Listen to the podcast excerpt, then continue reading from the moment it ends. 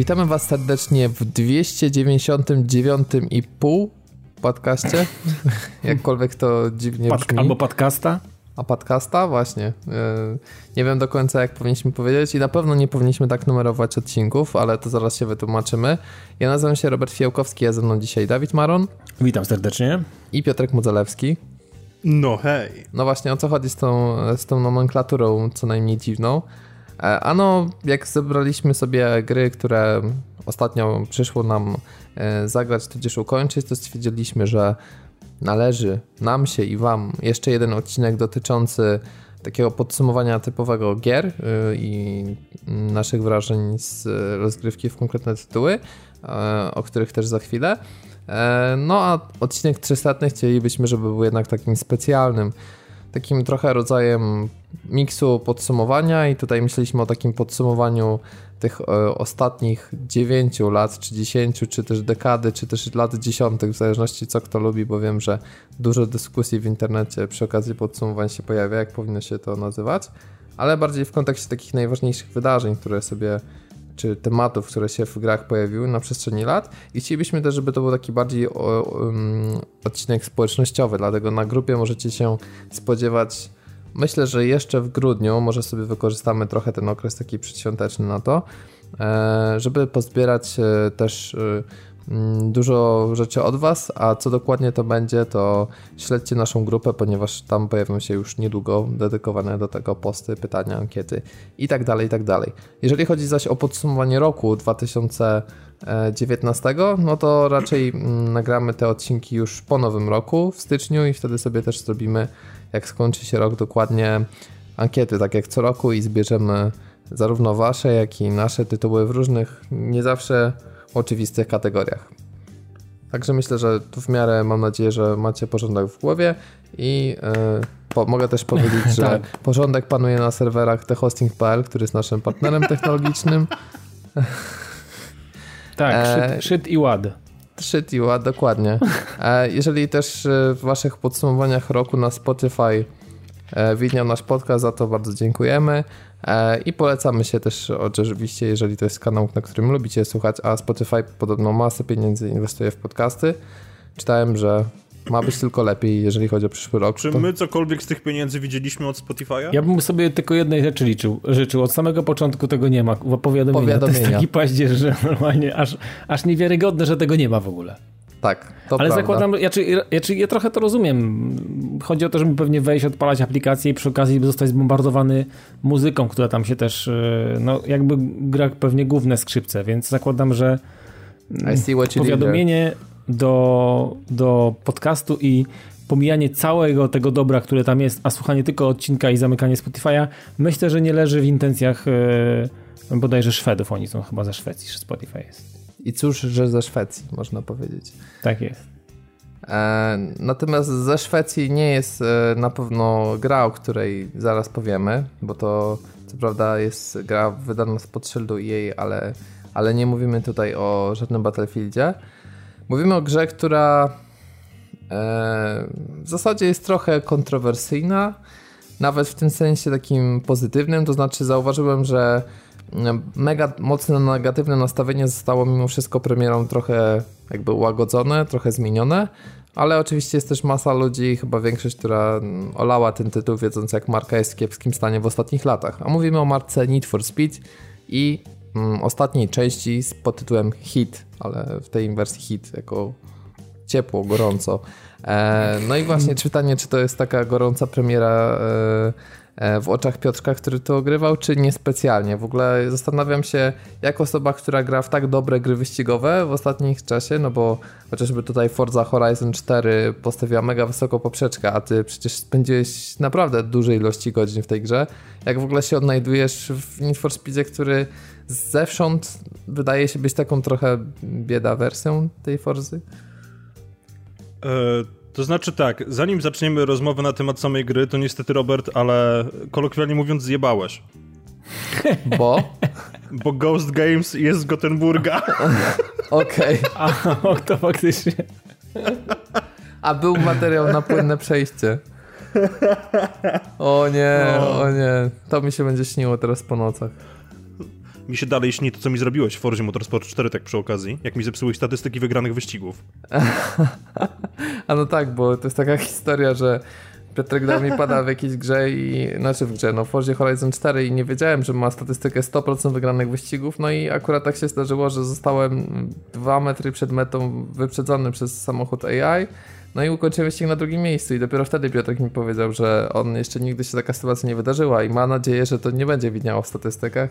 Ale widnieje w statystykach, mało tego, Forza Horizon 4 ma ten bardzo taki sympatyczny patent, że w momencie, kiedy masz ekran ładowania, to ci wyświetla na dole różne statystyki. Jest o, liczba wyścigów, w których wziąłeś udział.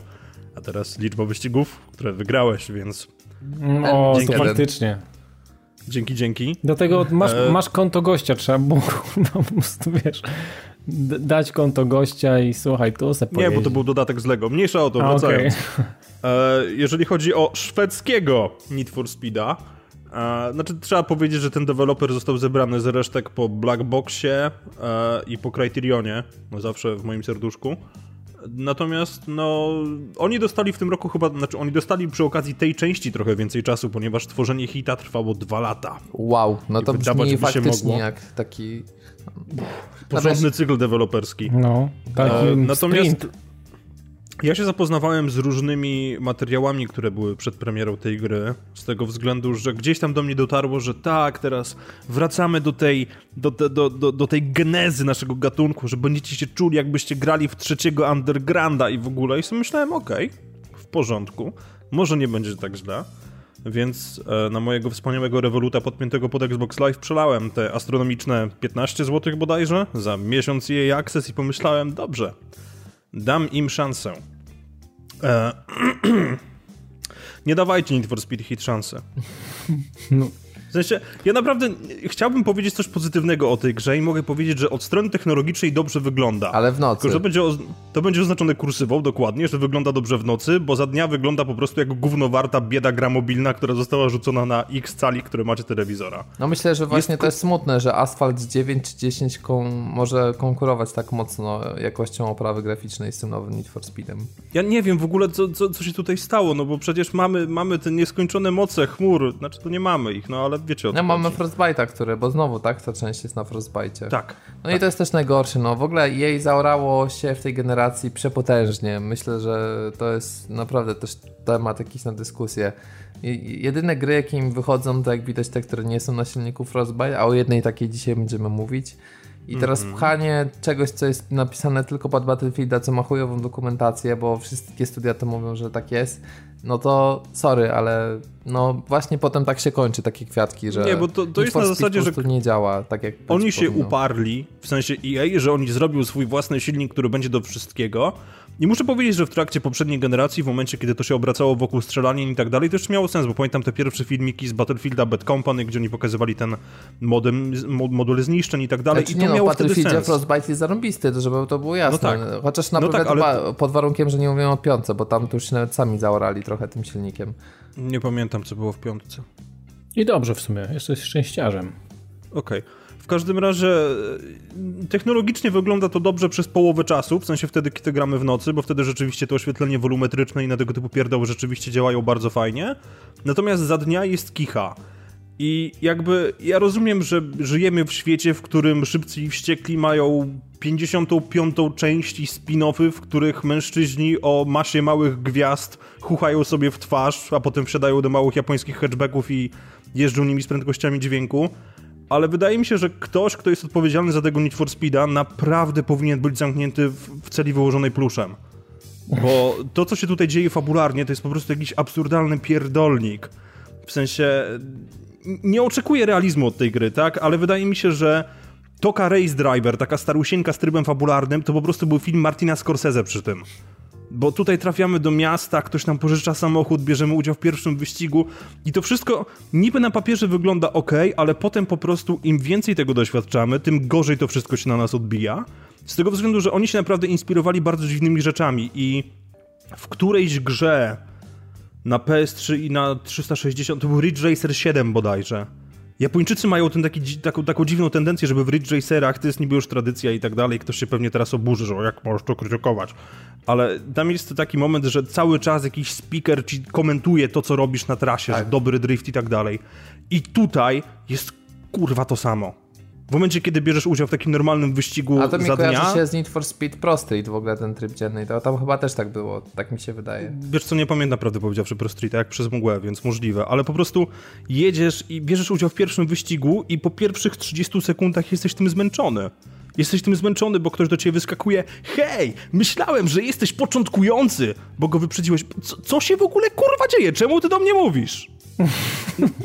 Naprawdę. Ale w ogóle poziom absolutnie... emocji tych wyścigów za dnia jest żaden. W sensie mam wrażenie, jak, jak widziałem, jak to wygląda, że nie wiem, czy to jest kwestia poczucia prędkości, czy tej bieda grafiki, ale po prostu, czy tak masakrycznego rubber bandingu, ale naprawdę mam wrażenie, że no, jest tak miałkie po prostu te wyścigi w dzień i pytanie jest proste, czy da się w ogóle to jakoś pominąć, bo tam widziałem, że to nie jest tak, że jedziesz za dni, w ogóle to jest dziwne, nie? Że to nie jest tak, że masz cykl dnia i nocy, tylko po prostu jedziesz, tak. wybierasz, czy chcesz dzień, czy noc. I tyle. Tak, i to się zmienia. I tam jest bardzo ładne przejście pomiędzy dniem a nocą, to im trzeba oddać, ale właśnie na tym się to mniej więcej kończy, bo masz, masz absolutną rację mówiąc o rubber bandingu, bo to, co się dzieje w tej grze, jeżeli tak, jeżeli lubicie samochody i macie o nich jakiekolwiek pojęcie na zasadzie, że rozpoznajecie typy napędu albo pojemności silników, to nie jest gra dla was.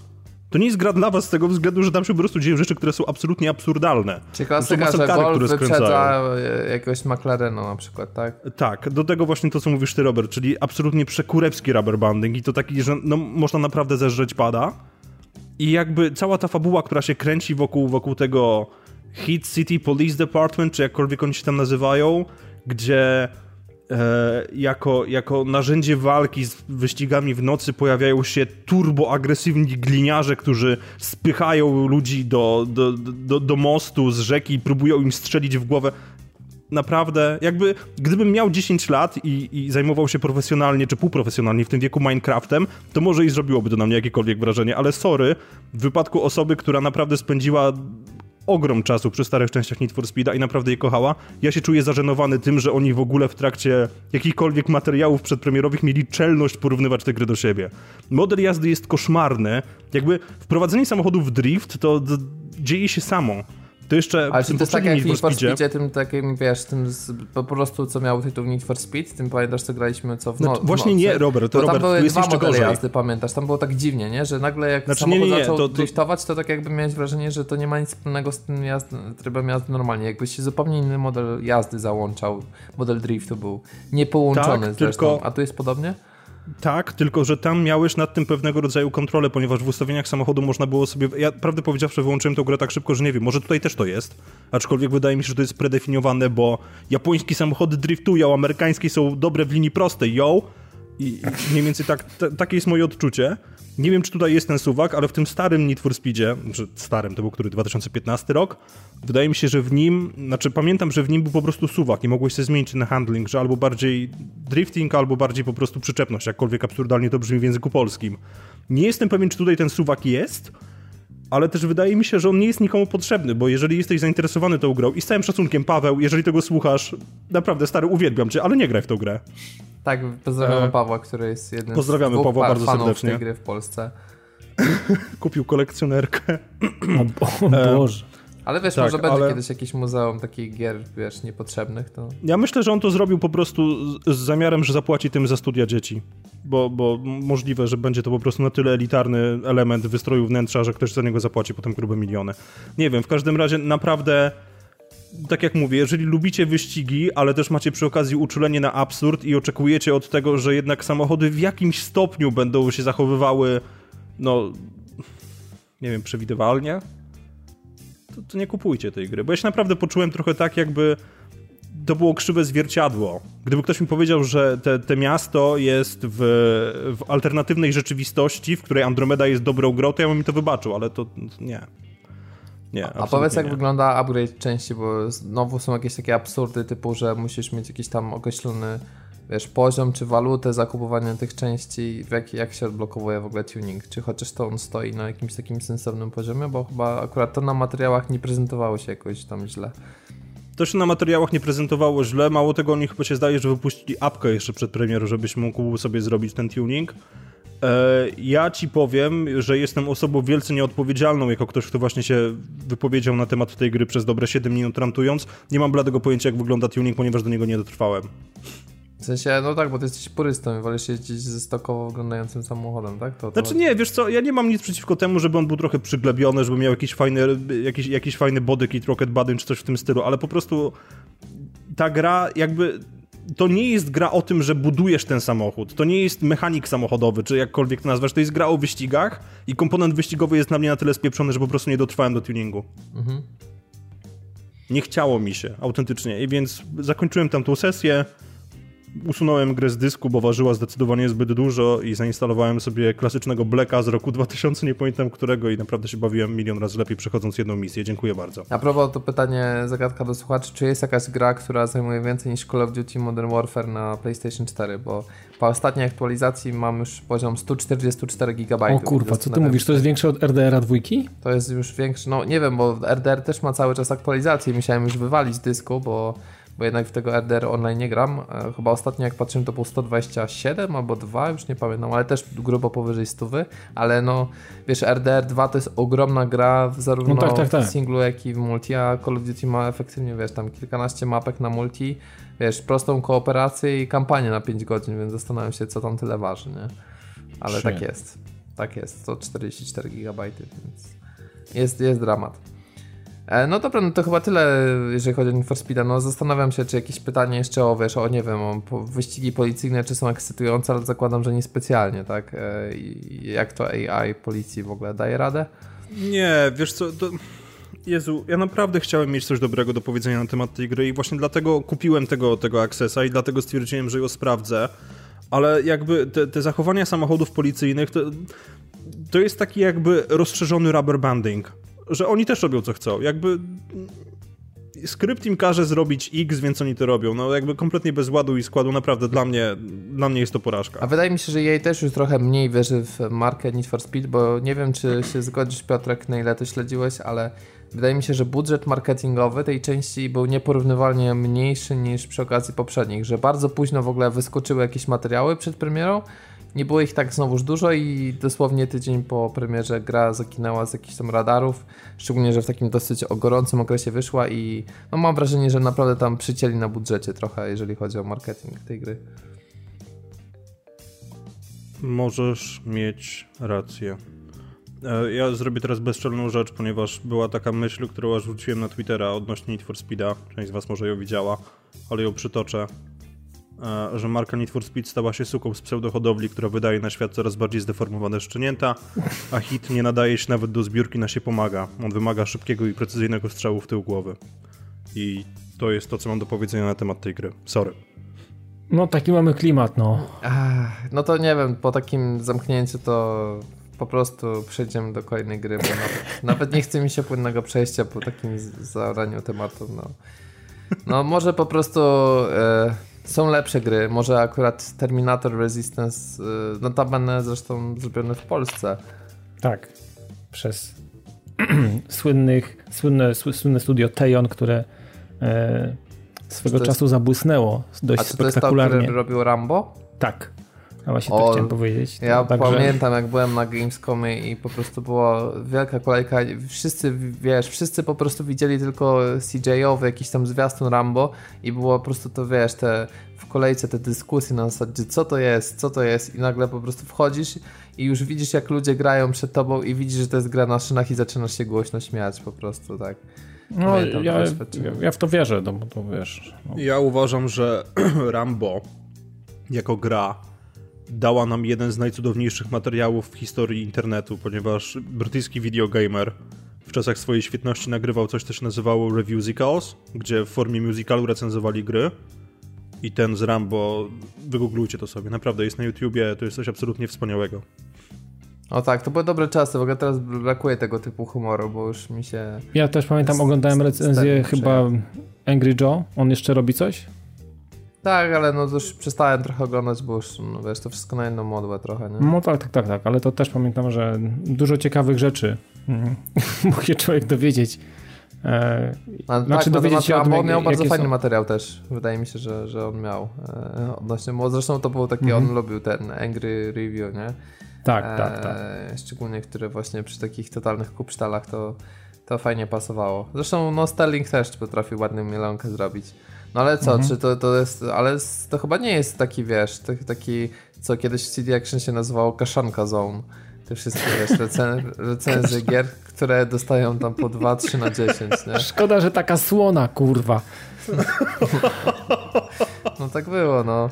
I no, wiesz, tak było. Tam traf, trafiały często polskie produkcje, pamiętam, do, tej, do tej sekcji i no tak się zastanawiam, czy, czy mówimy o takiej właśnie kaszanie, wiesz, z grilla, który powoduje, że pół osiedla po prostu ma ochotę wymiotować? Jak to no albo po prostu moc, zapijać mocno, no bo słone jak jest, to też nie da się, nie? Czy to jest Chociaż jak taka... ktoś, wiesz, no ja byłem kiedyś świadkiem takiej sytuacji, jak kobieta przede mną w, w sklepie mięsnym kupowała kaszankę i na, na, na 100% kupowała to dla siebie, ale zastanawiała się, powiedziała tak na głos do, tego, do tej ekspedientki, czy, czy ta kiełbasa nie, czy ta kaszanka nie jest zasłona, bo to dla psa, nie?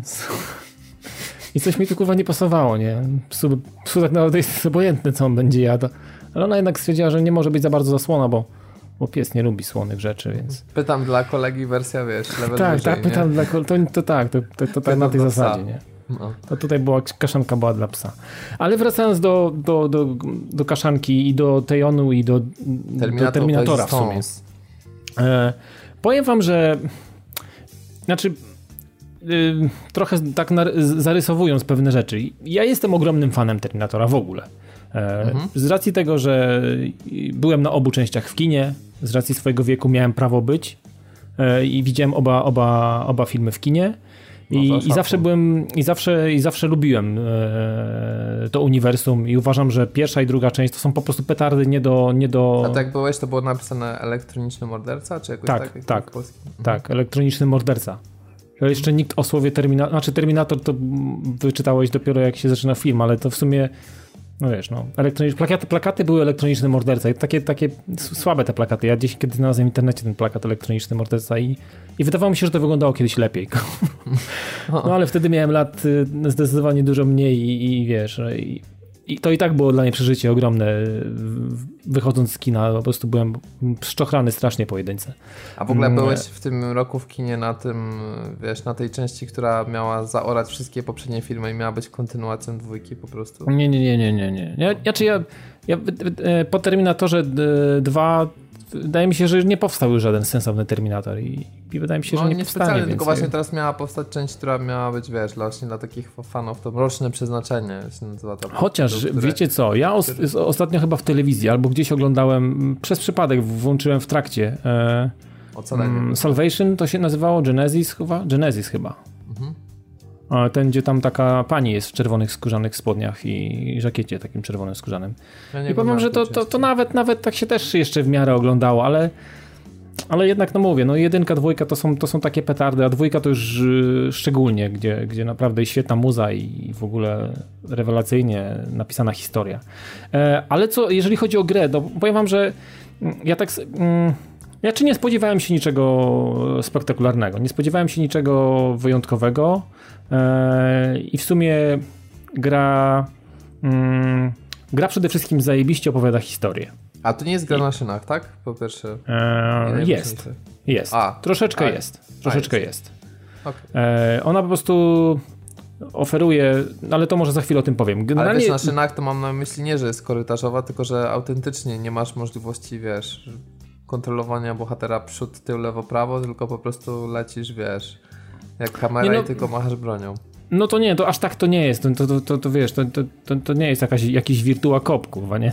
Coś, coś ale takiego, wiesz, nie? no, Rambo to na tym polegało mniej więcej. No tak, ale znaczy, miałem na myśli, y, mówiąc, że na szynach, że, że generalnie tutaj mm, jakby idzie to wszystko, cały czas, cały czas leci do przodu. Nie mamy tutaj żadnego spe, specjalnie bawienia się w jakiejś piaskownicy, chociaż tak na początku może tak wygląda złudnie, ale, ale generalnie zaraz wam powiem, dlaczego jest inaczej niż y, niż y, może się wydawać, jak patrzymy na materiały albo na jakieś wyrywkowe misje. Generalnie naj, najmocniejszą stroną tej gry to są, są dwie rzeczy. Pierwsza to jest świetna fabuła i cała historia, która dzieje się na chwilę przed y, wydarzeniami z Terminatora pierwszego, y, gdzie mm, znaczy mm, gramy Jacobem bodajże Riversem, takim człowiekiem, który jest e, mm, członkiem ruchu oporu. No i generalnie został zrzucony na, w okolice, czy to są nawet rejony Pasadeny, tak się nazywa mm, ten, ten rejon i, i jest, jest daleko od swojej głównej Mm, docelowej ekipy, która e, jest no bardzo daleko i generalnie będzie chciał się do nich dostać. No ale mm, poznaje jakieś tam osoby, które, e, którym po prostu stwierdzi, że pomoże i będzie ich wspierał e, w drodze do, do, do, swojej, do swojej ekipy z ruchu oporu. No i wchodzi, wchodzi w, ten cały, w to całe zamieszanie i generalnie Mm, e, chcą zrobić coś dla siebie. Mm, też nie chce zostawić tych ludzi, których spotkał, szczególnie, że tam jeszcze mm, e, są kobiety, a ma do nich słabość. No i jeszcze dodatkowo pojawia się aspekt y, małego dziecka, które też w tej ekipie cały czas występuje, więc, e, więc no nie jest los tych osób mu nie jest obojętny, więc podpisuje z nimi taki, taką dżentelmeńską umowę, że że jednak e, nie pożegna się z nimi, zostanie e, na jakiś czas. E, no i, i tak to, i tak generalnie ta cała ekipa i, i losy Jacoba Riversa przeplatają się z, z, z tymi z tymi ocalełymi gdzieś tam.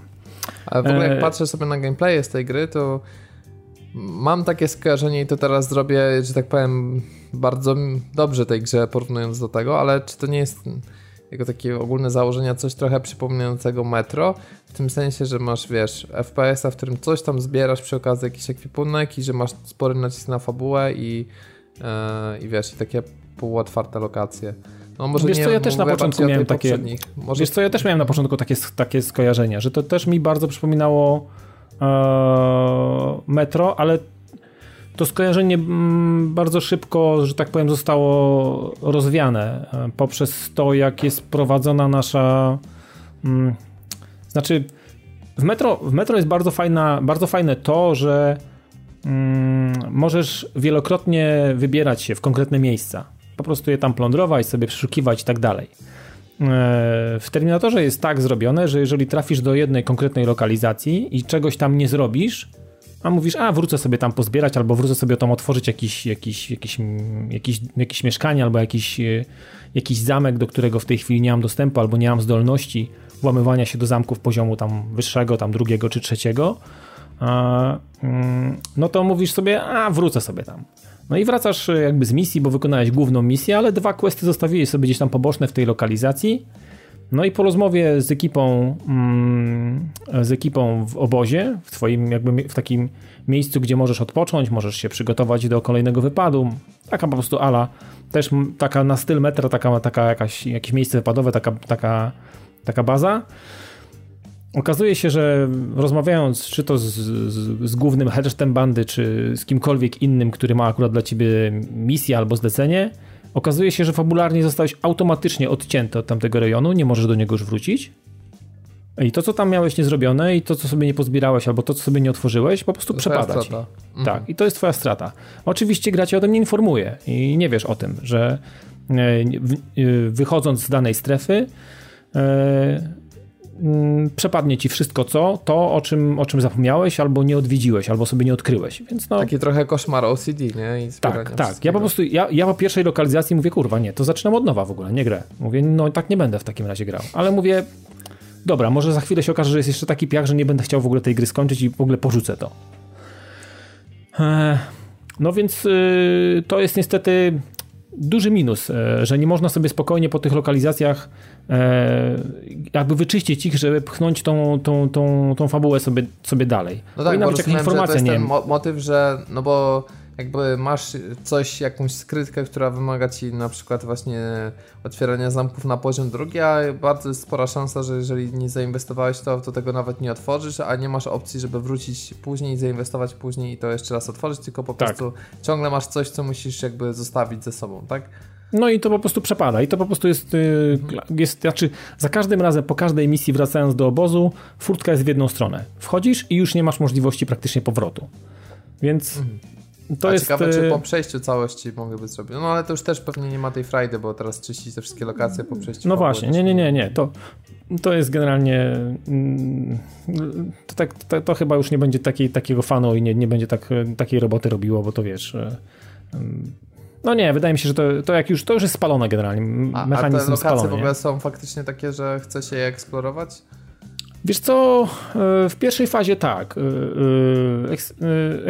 e, eksplorować. No generalnie to są takie takie trochę, takie no, nie za duże sandboxy, które są oczywiście przykryte klasycznie mgłą i generalnie chodząc sobie w różne miejsca, to sobie tam znajdujesz jakieś skrytki albo jakiś opuszczony magazyn, gdzieś próbujesz się włamać albo znaleźć inne wejście na przykład, bo nie masz na przykład dynamitów, żeby wysadzić ścianę albo jakiegoś granatu, żeby gdzieś tam sobie poradzić, więc możesz dostać się tam w inny sposób.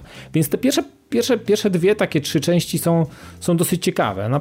Natomiast później wkłada się już taka chamska, chamska monotonia i widać takie Ctrl-C, Ctrl-V. Dużo jest takich powtarzalnych rzeczy i, i on, ten, ten, ten krajobraz y, już nie, nie robi takiego wrażenia, więc y, jakby na początku jest ok, te, te, róż, te lokacje się różnią od siebie troszeczkę, mamy trochę gdzieś otwartego terenu, potem mamy trochę, dużo dzieje się przede wszystkim w nocy, no ale to jest podyktowane fabułą, wtedy, wtedy najłatwiej walczyć z terminatorami, generalnie e, e, wszystkie, wszystkie wypady najczęściej dzieją się w nocy, Natomiast y, no, ten, ten krajobraz nie jest taki zróżnicowany i, i brak takiej, takiego, takiego, wiecie, takiej spektakularności w tym wszystkim. I, myślę, że można było to naprawdę zrobić ładnie, chociażby metro pokazało to, że można no zrobić tak, cztery lokalizacje, pięć lokalizacji i one się różnią od siebie i są świetne.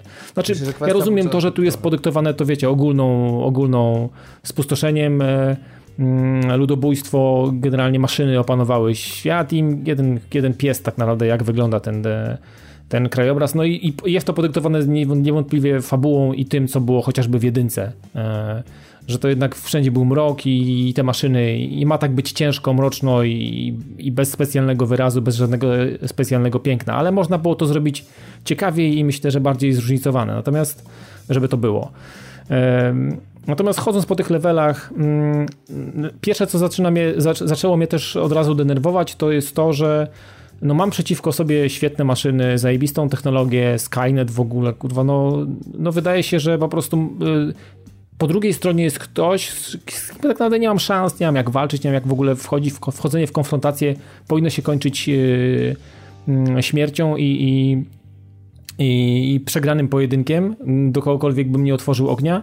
Natomiast tutaj tego nie czułem. E, e, latające drony, czy jakieś tam pełzające jakieś robale, które gdzieś tam e, mieszkają gdzieś w jakichś takich, e, wiecie, jakby takich, takich norach, które gdzieś są pozostawiane i czy jakieś pająki, czy jakieś, czy jakieś chodzące, stojące działka, które też atakują w momencie, kiedy gdzieś tam namierzą ruch to wszystko jest bardzo proste do pokonania. To nie jest y, to nie jest taka technologia, albo nie, nie, mam, nie miałem takiego poczucia, mm, mm, że walczę z technologią taką, która jest naprawdę bardzo wysoce posunięta do przodu, że generalnie jako człowiek no, praktycznie muszę wykazać się jakimś mega sprytem albo, albo unikać czasami tej konfrontacji, a, a tutaj po prostu ja tak naprawdę napieprzałem do, do wszystkiego, E, co tylko Ale mi się nawinęło. Ale przynajmniej nie masz jak w rezydencie, że po prostu masz, wiesz, kogoś, kto za tobą cały czas łazi i wiesz, nie możesz sobie spokojnie eksplorować, tylko musisz cały czas uciekać, więc Kij ma trochę no, dwa końce. Nie? Na jakim poziomie trudności w ogóle grałeś? Może to jest jeszcze tego typu kwestia. Wiesz co, nie, nie, bo sprawdzałem to. Po prostu na, na, na,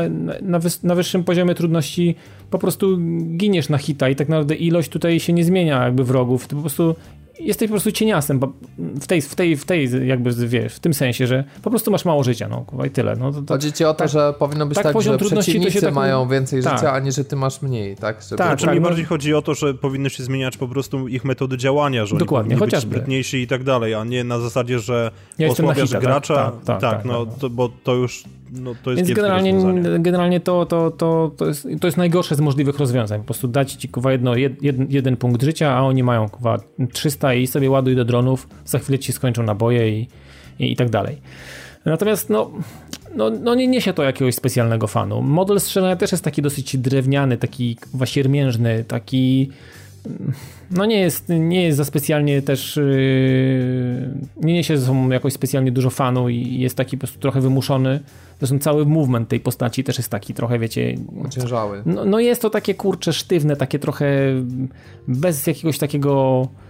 Takie no trochę nie klimatyczne jak z przełomu no. generacji PS2, PS3, nie? No, no coś takiego, wiesz, no, znaczy wydaje mi się, że, znaczy nie wydaje mi się, jestem przekonany o tym, że, że no dzisiaj tak się nie powinno już projektować gier, no to, to wiecie, mam, mam to, to jak wychodzi Shenmue, no wychodzi Shenmue i i też, no wszyscy mówią, kurwa, hello człowieku, to nie jest 2001, tak, to nie jest 2000, nie wiem, kurwa, nawet 7 to nie jest, no to, to jest jakaś taka, jakaś taka porażka. W niektórych aspektach tego naprawdę jest taka bardzo mocno archaiczna. Natomiast... Y, znaczy może mieć to też swój urok z drugiej strony, nie? Trochę, bo mamy W pewnym sensie tak. Że Natomiast... mamy tyle y, gier, które już trochę, wiesz, poszły do przodu, ale to trochę faktycznie jest jak, jak taki, wiesz powrót e... z takiego starego tytułu, nie? Myślę, że tak, no- zrobiłby no... dużo szału, gdyby wyszedł 15 lat temu, nie? Oj, no to na pewno. Zresztą ja, nad, ja uważam po przejściu tej gry, zresztą zrobiłem w tej grze calaka, no to też o czymś świadczy i zaraz wam powiem dlaczego. E, to jest naprawdę świetny Terminator, jeżeli chodzi o gry wideo, natomiast nie jest to najlepsza gra po prostu i tyle. Mm, to jest naprawdę super historia, super, super, super są te starcia, potem to przeciera, przeci, przecieranie się przez, przez tą Pasadenę i po to, żeby wykończyć Skynet i, i, i dosyć ciekawe niektóre misje i tak fajnie podkręcone fabularnie. To wszystko, ta cała opowieść ma naprawdę bardzo fajny, no ma to sens, to się trzyma kupy. Jeżeli ktoś troszeczkę kuma tego Terminatora i zna tą historię, widział i filmy i tak dalej, no to będzie się tutaj czuł naprawdę zajebiście i będzie, będzie chłonął ten klimat, bo on jest niesamowity i naprawdę to jest yy, bardzo mocna, bardzo mocny tutaj plus dla, dla gry za, za, ten element. Tak samo świetna muzyka, no kurne po prostu to dudnienie takie typowe dla Terminatora, no to tak naprawdę nic więcej tej grze nie potrzeba. To jest, to jest niesamowite, że, że takim prostym, prostym zabiegiem jak e, świetną muzyką można bardzo mocno podbudować i podrasować, wiecie, cały klimat, więc e, tutaj, tutaj niewątpliwie też plus. Jedna, jeszcze dodatkowa jedna rzecz, jest, która jest świetna, bo mm, tutaj oprócz tego, że mamy drzewko skilli i oczywiście levelujemy i mamy chyba do, do 28 czy 27 poziomu, mm, możemy podbić naszą postać, inwestujemy sobie, czy to w hakowanie, czy w trochę życia, czy wiecie, w jakiś tam, w jakiś damage, czy w jakieś inne rzeczy, no taka klasyka, to drzewko nie jest jakieś takie bardzo odkrywcze i, i jakieś takie nowatorskie, taka to bezpieczna klasyka drzewkowa przy shooterach, Natomiast y, co mi się spodobało, to spodobało mi się, spodobały mi się dwie nowe mechaniki, y, których y, nie widziałem wcześniej w grach wideo. Jedna to jest upgrade broni. Tutaj jest coś takiego, że znajdujemy takie układy, mm, jakby scalone. Mm, I do niektórych giver, bo nie do wszystkich, możemy je mm, włożyć, ale one pasują tylko w, odpowiedni, w, odpowiedniej, w odpowiedniej konfiguracji. Jest to taki rodzaj układanki e, puzli, wiecie, że wkładając trzy na przykład jakieś układy, musimy jakby zamknąć obwód tymi układami. One się z lewej i z prawej strony mają jakiś symbol, jakiś znaczek, albo dwie kreski, albo jedną kreskę, albo coś innego i muszą ze sobą generalnie pasować. Jakbyście przykładali domino, jedno do drugiego, wiecie, dwójka do dwójki, piątka do piątki i ten obwód musi być zamknięty, żeby wszystkie trzy mm, układy mogły ze sobą pracować i dały to ulepszenie, które sobie tam wymyśliliśmy, bo te układy też są różne. Jeden daje większy damage, drugi na przykład większy magazynek, trzeci jeszcze coś tam, zmniejsza odrzut, jakiś tam czwarty. No jest tych yy, yy, układzików trochę. Mm, I powiem wam, że to jest naprawdę bardzo fajne i, i, często przegląda się po znalezieniu różnych y, tych układów nowych po jakichś misjach albo po jakichś innych rozwalonych terminatorach, które się gdzieś tam znajduje, czy inne maszyny, czy drony. Mm, no to szuka się takiego, żeby naprawdę fajnie pasował, miał, miał zajebiste statystyki i można było go wymienić, więc y, mm, to jest bardzo fajny element i, i to naprawdę robi robotę. E, kolejna rzecz, która mi się też spodobała, to system hakowania i jego kolejne poziomy trudności bo twórcy wymyślili sobie tak system hakowania, że będzie wyglądał w ten sposób, że podchodzimy na przykład do wieżyczki, którą chcemy zhakować, żeby była po naszej stronie i rozwala, rozwalała terminatory bądź inne mm, jakieś tam chodzące, latające drony czy cokolwiek innego. Podchodzimy i włączając z, y, tryb hakowania pojawia nam się minigra, która wygląda jak Frogger, wiecie, taka kiedyś z Atari, co przeskakiwało się przez ulicę. I trzeba było uważać, żeby żaba nie wpadła pod samochód albo pod, coś, pod, pod, pod, pod ruch, który był na, na, e, na, na drodze. I trzeba przejść e, na drugą stronę. Mamy na to mm, na początku bodajże dwie czy trzy próby. E, po prostu trzeba, trzeba sprawnie przejść przez, przez te wszystkie ścieżki, które są po drodze.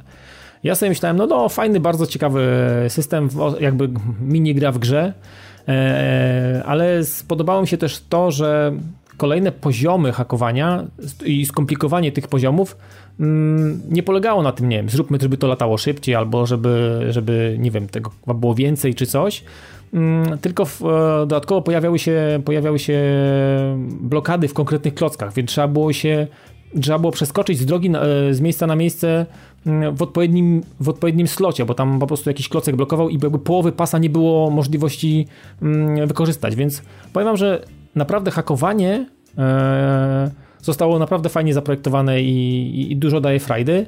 Mm, wydawało mi się, że w Bioshocku było zajebiste hakowanie, ale jednak e, uważam, że Terminator to zrobił lepiej. E, dodatkowo, wiecie, otwieranie jakichś zamków to takie typowe jak w Falloutie. Mamy taką, wiecie, mamy jakiś tam spinacz, wkładamy do zamka i też taka mini gra, próbujemy znaleźć odpowiedni punkt, żeby nam się klamka E, dała nacisnąć i jeżeli nam się to uda, to się drzwi otwierają, a jeżeli nie, to tracimy lockpicka, ten cały wytrych i korzystamy z następnego. Więc jest kilka takich, takich rzeczy i całe to, całe to zbieractwo i ten cały crafting i, mm, mm, i tworzenie sobie różnych rzeczy na różnych poziomach, czy to jakichś e, granatów dymnych, czy jakichś hukowych, czy jakichś tam innych takich elektrycznych, jakieś EMP, które gdzieś tam rozwalają mm, też te mniejsze drony, czy jakieś pająki to wszystko naprawdę się trzyma kupy, jest to, jest to, jest to bardzo, e, bardzo fajne. Natomiast to w ogólnym rozrachunku mm, e, w kwestii fabuły, w kwestii animacji, w kwestii prowadzenia dialogów, bo tutaj też jakby mamy wpływ na to, jak tak, tak chyba mi się, tak mi się wydaje, że mamy wpływ na to, jednak podejmując pewne decyzje i mamy te całe kwestie dialogowe, możemy porozmawiać z niektórymi osobami e, i mieć ich albo po swojej stronie, albo przeciwko I to myślę, że w jakiś sposób wpływa na, na, na, to, co się będzie działo w przyszłości. Natomiast twórcy zrobili jeden, jeden, jeden wielki błąd też projektując ten system, bo mm, można było zaprojektować, nie wiem, kilka zakończeń albo kilka rozwiązań e, sytuacji i wpleść w to w, jakoś, w jakiś sposób, wiecie, nawet chociażby osiągnięcia albo coś. A tu po prostu za pierwszym przejściem robimy calaka i tak naprawdę nie ma powodu, żeby poznać e, odkryć coś więcej, bo tak naprawdę nie wiemy, czy coś faktycznie na nas czeka, czy nie.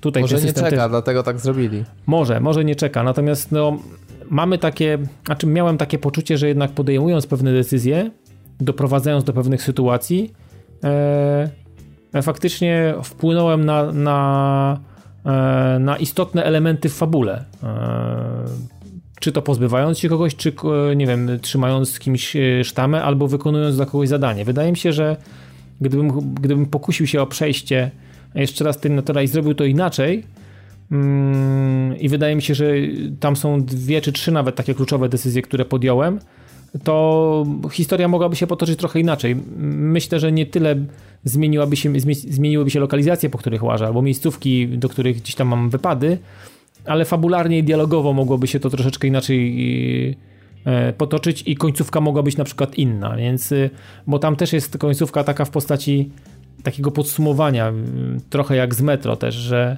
e, poznajemy wynik w postaci plansz, rysunków takich, co się stało, nie? że mhm. jakby został e, została misja ta główna wykonana dla Conora, bo to oczywiście jest to spięte z, z Conorem, E, no i potem przeglądamy jakby to, co zrobiliśmy i jaki to miało efekt e, dla, dla Pasadeny, dla ludzi, dla obozu naszego głównego i tak dalej, i tak dalej. Nie chcę, nie chcę za dużo tutaj mówić i zdradzać, bo możliwe, że ktoś jeszcze sobie nie grał i będzie chciał to za jakiś czas sprawdzić.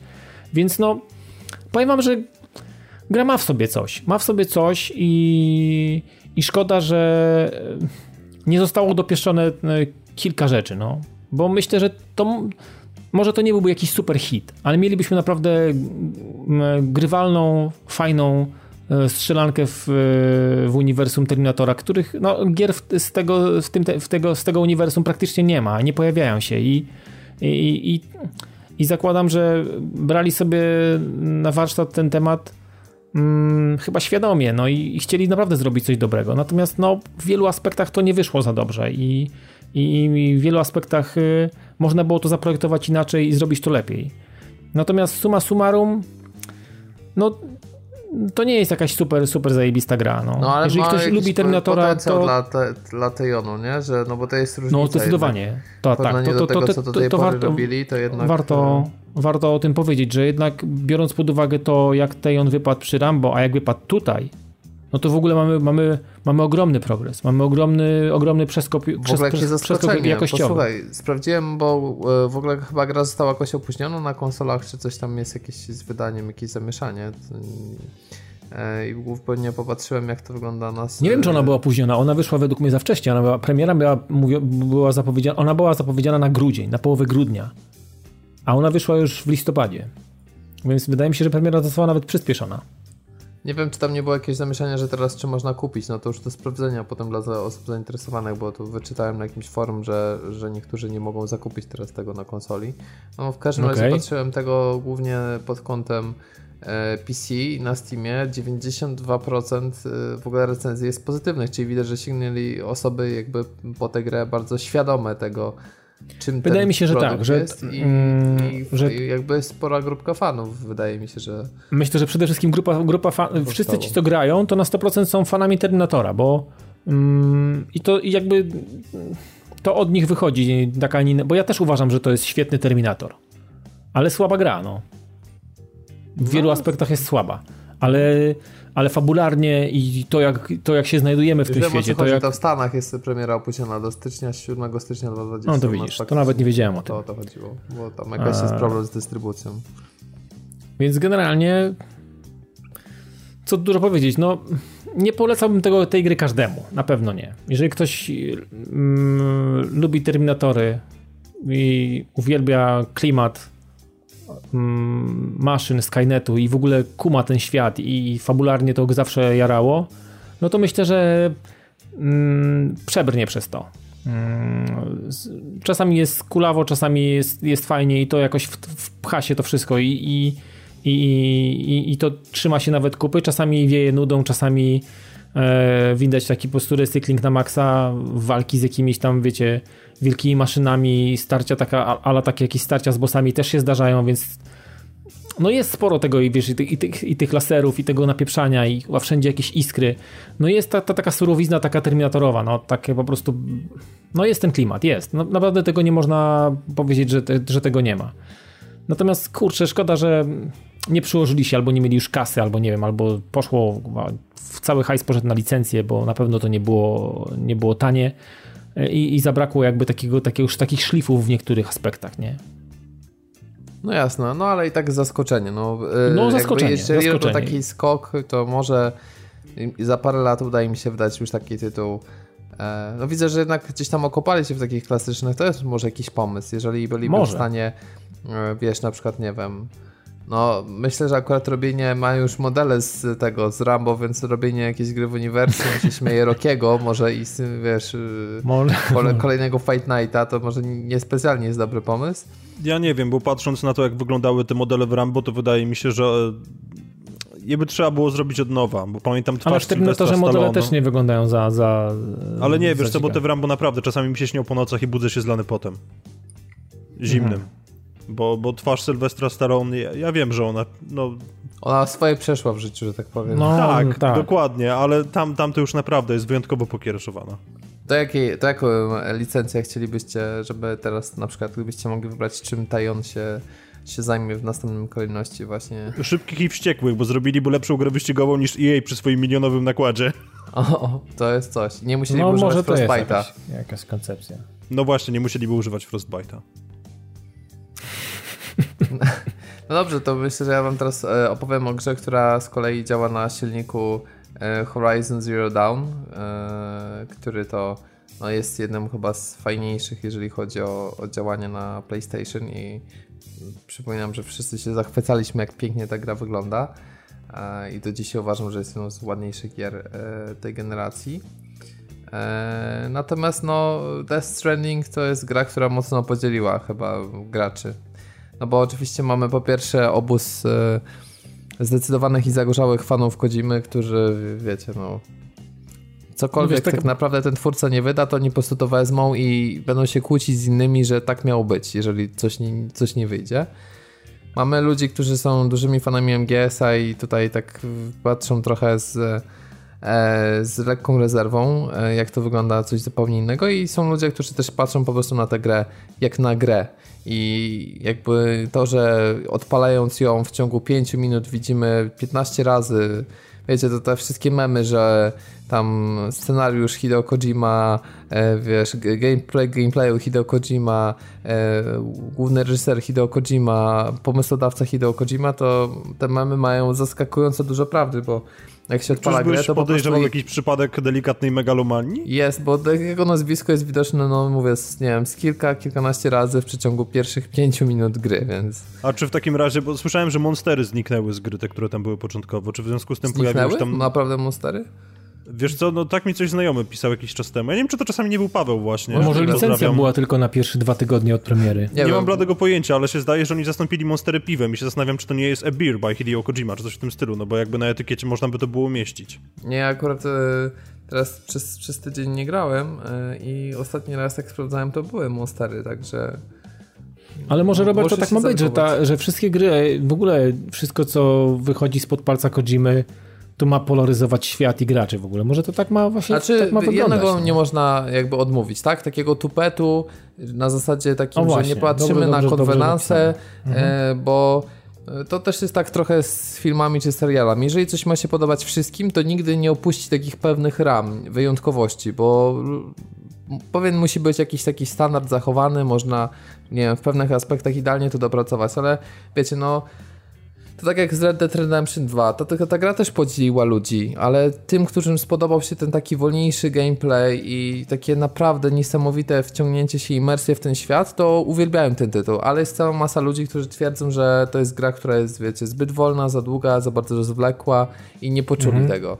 No i wydaje mi się, że trochę też jest tak z Death Stranding, że ona ma jakiś konkretny pomysł na siebie i ona nie płacze o to, żeby absolutnie podobać się wszystkim, ale wydaje mi się też, że no nie jest jakimś wielkim sukcesem sprzedażowym. Ona jest zaskakująco niszowa tak naprawdę i gdyby, gdyby wiecie, wywalić z pudełka Hideo Kojima Game i e, nie jechać tak na jakby właśnie e, jego wizerunku przy promocji gry, to myślę, że bardziej by się właśnie pojawiało takie, że to jest jakieś dziwaczne, ekscentryczne, w zasadzie, że to jest jakiś taki eksperyment. Nie wiem, czy ludzie by mówili, że udany, czy nieudany, ale no na pewno mega niszowy to jest tytuł.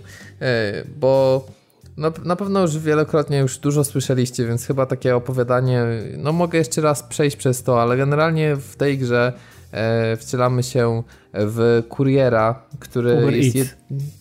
Tak, jest to troszkę taki symulator Uber Eats, niektórzy uczciwie mówią, ale też nie do końca. E, w kuriera, który jest o tyle ostatnią nadzieją ludzkości, że mówimy tutaj o uniwersum, które jest e, na, dzieje się na terenie Stanów Zjednoczonych, ale to jest jakiś taki szalony terraforming, że tak naprawdę z jakichś niewyjaśnionych przyczyn e, Stany Zjednoczone się zamieniły w Islandię i myślę, że Islandia jest zdecydowanie tutaj numerem jeden, jeżeli chodzi o inspirację. E, no i generalnie jest tak, że straciły miasta e, między sobą połączenie, bo już wtedy po różnego rodzaju wydarzeniach fabularnych nie mamy do czynienia już ze Stanami Zjednoczonymi, tylko są Zjednoczone Miasta Ameryki. No i naszym zadaniem jest to generalnie gra podróży, jest to, aby tę łączność przywrócić, a przy okazji jesteśmy w stanie się rozwijać i upgrade'ować różne rzeczy, właśnie wykonując zlecenia typowo kurierskie. E, polega to na tym, że po prostu chodzimy sobie najpierw przez kilka ładnych godzin, jak nie kilkanaście pieszo, bo później mamy też dostęp do pojazdów.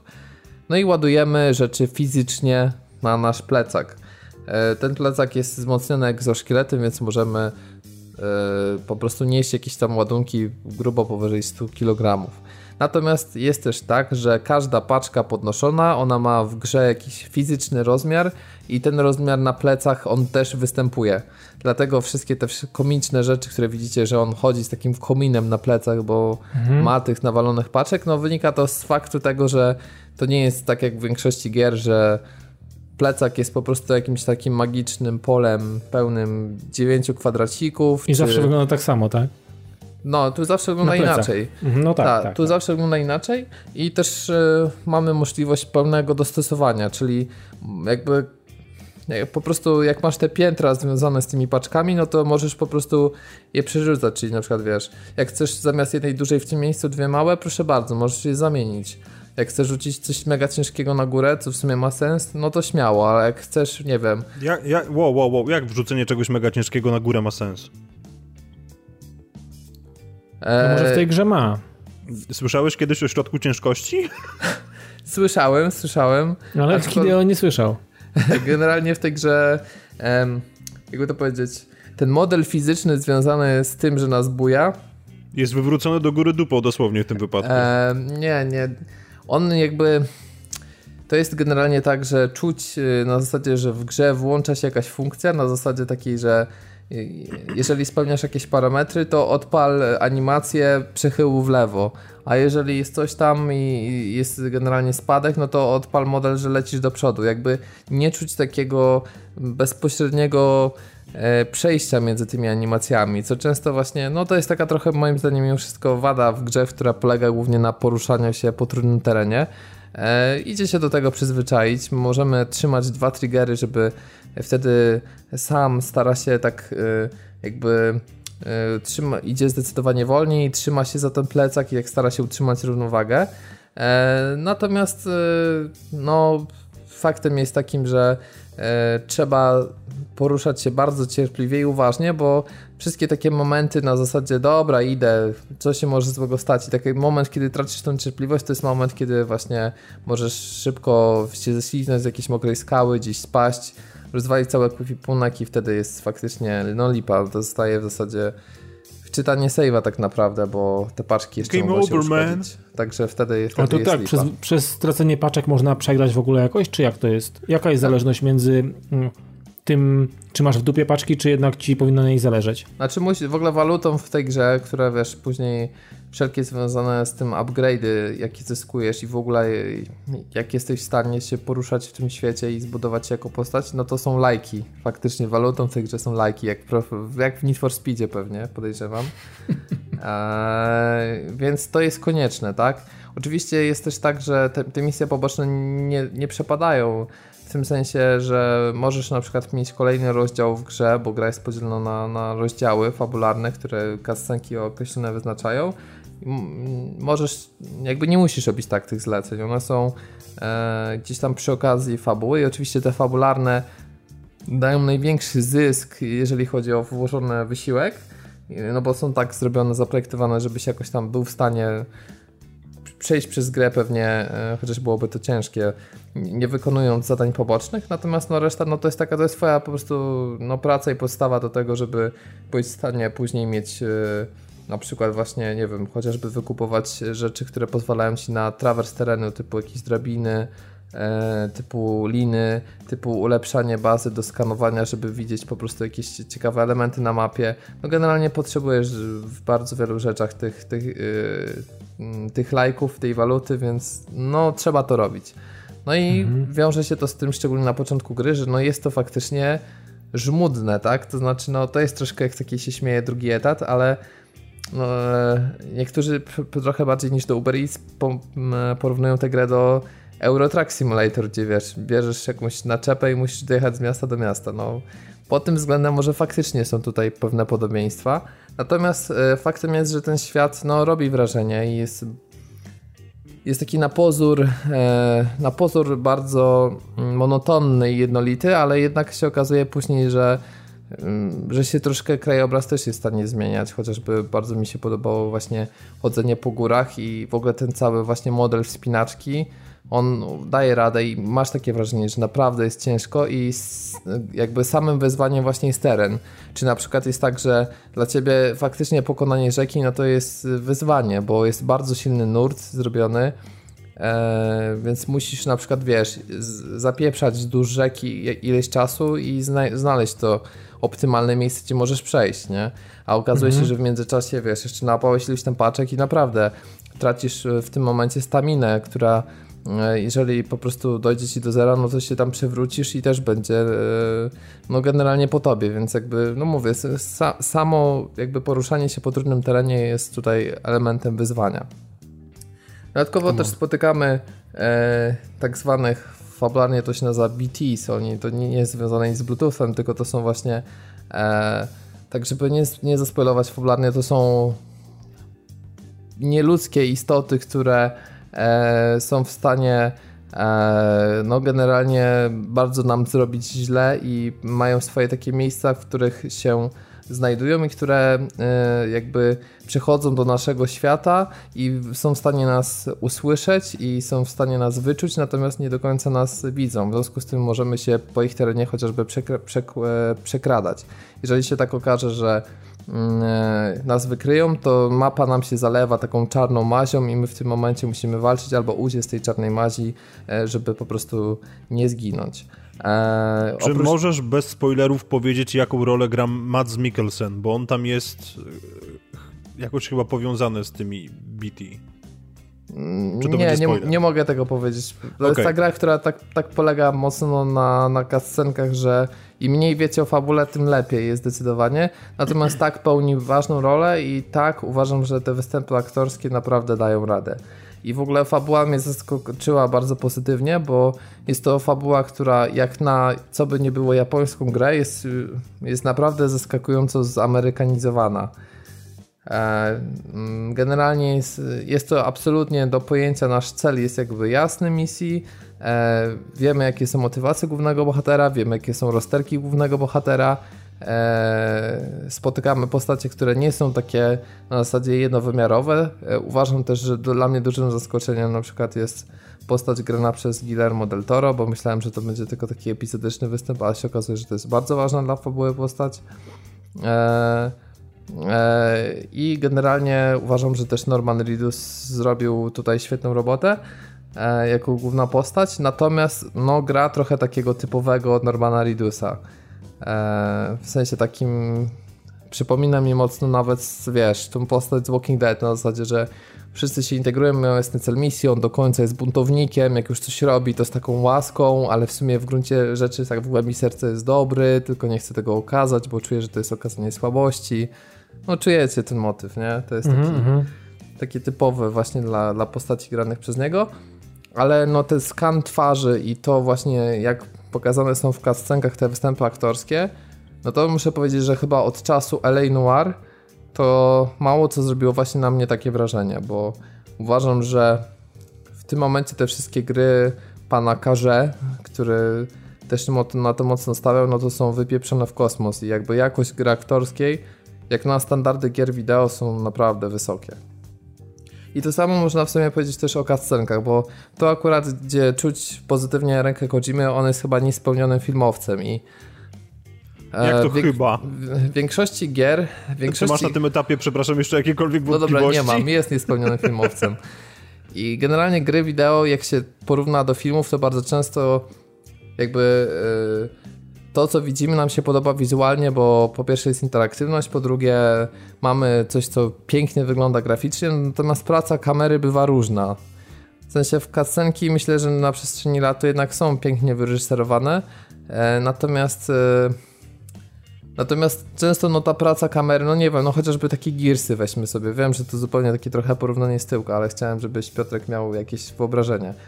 Dziękuję. E, jak mamy pracę kamery w Gearsach, często w różnych rodzajach cutscenkach, to gdyby tę samą pracę kamery przenieść na jakiś serial, to moim zdaniem generalnie byłoby to takie mocno średnie, momentami wręcz biedne. Że, Taki teatr telewizji. Tak, że po prostu to kadrowanie nie jest takie mega ambitne, nie wiem jak to nazwać, że wiesz, jak masz jakąś jaskinię, to po prostu widzisz ją jakoś tam, no widzisz tę jaskinię i tyle, ale nikt nie dba o to, żeby tam był jakiś, wiesz, ładny światłociej, żeby w tle coś było, żeby poczuć atmosferę, że nagle jest jakiś, nie wiem, gładym, gdzie masz super muzykę, która to podkreśla. No to nie jest o tego typu gra, żeby, wiesz, widoczki sobie podziwiać, tylko ma być po prostu akcja, nie? E, no a tu właśnie Death Stranding, no naprawdę pokazuje, tak jak w takich wymuskanych serialach na HBO i Netflixie, które naprawdę formą są piękne, że to praktycznie wiesz, każda scena, każdy kadr jest jakoś tak przemyślany, wyreżyserowany i uważam, że spokojnie, gdyby to przenieść na świat właśnie filmowy, to dalej by się to broniło. E, więc, więc jakby to niespełnione filmostwo się w pozytywny aspekt przerzuca, bo gra często zaskakuje. No ja już miałem do czynienia z taką sytuacją, że miałem po prostu misję, że tam już wróć do bazy, bo wykonałem głównego questa, e, bo jesteśmy, mamy możliwość jakby wejścia do pokoju sama, gdzie to jest taki nasz hub, w którym mamy możliwość e, no na przykład wzięcia prysznicu, czy że tak powiem oddania moczu, który też ma uzasadnienie fabularne no i generalnie wydawało mi się, że to jest prosta misja, że wejdę, zasejwuję i koniec. Ale się okazało, że wiecie, tam ktoś przyszedł do tego pokoju, czy w zasadzie wyświetlił się hologram, potem była druga kascenka, później jeszcze tam ktoś przez interkom coś gadał, później jak wyszedłem to była czwarta kascenka i okazało się, że to całe trwało 40 minut ten motyw. Więc yy, przestrzegam przed sesjami w Death Stranding na zasadzie takim, dobra mam 40 minut, to to chwilę pogram i zaraz wyjdę, bo e, może być, może być lipa, jeżeli o to chodzi, bo faktycznie słyszałem, że finał trwa, bo jeszcze nie, nie dotarłem do niego, ale słyszałem, że finałowa kascenka to jest coś około dwóch godzin, więc wiecie, wie, wiecie o co chodzi, nie? E, no i teraz tak właśnie z, z tej całej mojej opowieści można się zastanowić, czy to jest faktycznie taki tytuł, wiecie, gra roku i te wszystkie nominacje, które tam na The Game Awards oczywiście się pojawiły. Jeszcze nie trafiłem na Joe'a Kelly'ego, ale w ogóle jego no rzucenie i te monstery i to takie to po prostu takim wali, wiesz, na zasadzie, że yy, Kojima po prostu gdzieś tam wystawia swoich przyjaciół, a wszyscy to łykają jak pelikany i wow, to jest takie super zarąbiste, nie? To, to mi się nie podoba akurat. Natomiast no, uważam, że dla pewnej takiej wąskiej grupy, stosunkowo wąskiej, to może być tytuł świetny i taki, wiesz, na którym e, który zaoferuje im doświadczenie, którego żadna gra im w stanie nie jest dać, dlatego że walka w tej grze występuje, ale ona, bo mamy jeszcze takich wrogich kurierów, którzy nie należą do żadnej frakcji, którzy ich głównym jakby zadaniem jest mm, po prostu ukradzenie czy kradzież, kradzież ładunku, no bo dla nich to jest po prostu pieniądze, żeby utrzymać swoją organizację i możemy ich unikać, ale też możemy w późniejszych etapach szczególnie walczyć. Ale no walka to jest naprawdę coś, co w tej grze widać, że nie została ta gra po to głównie zaprojektowana i przede wszystkim właśnie najważniejsze jest to poruszanie się, wykonywanie pracy kuriera.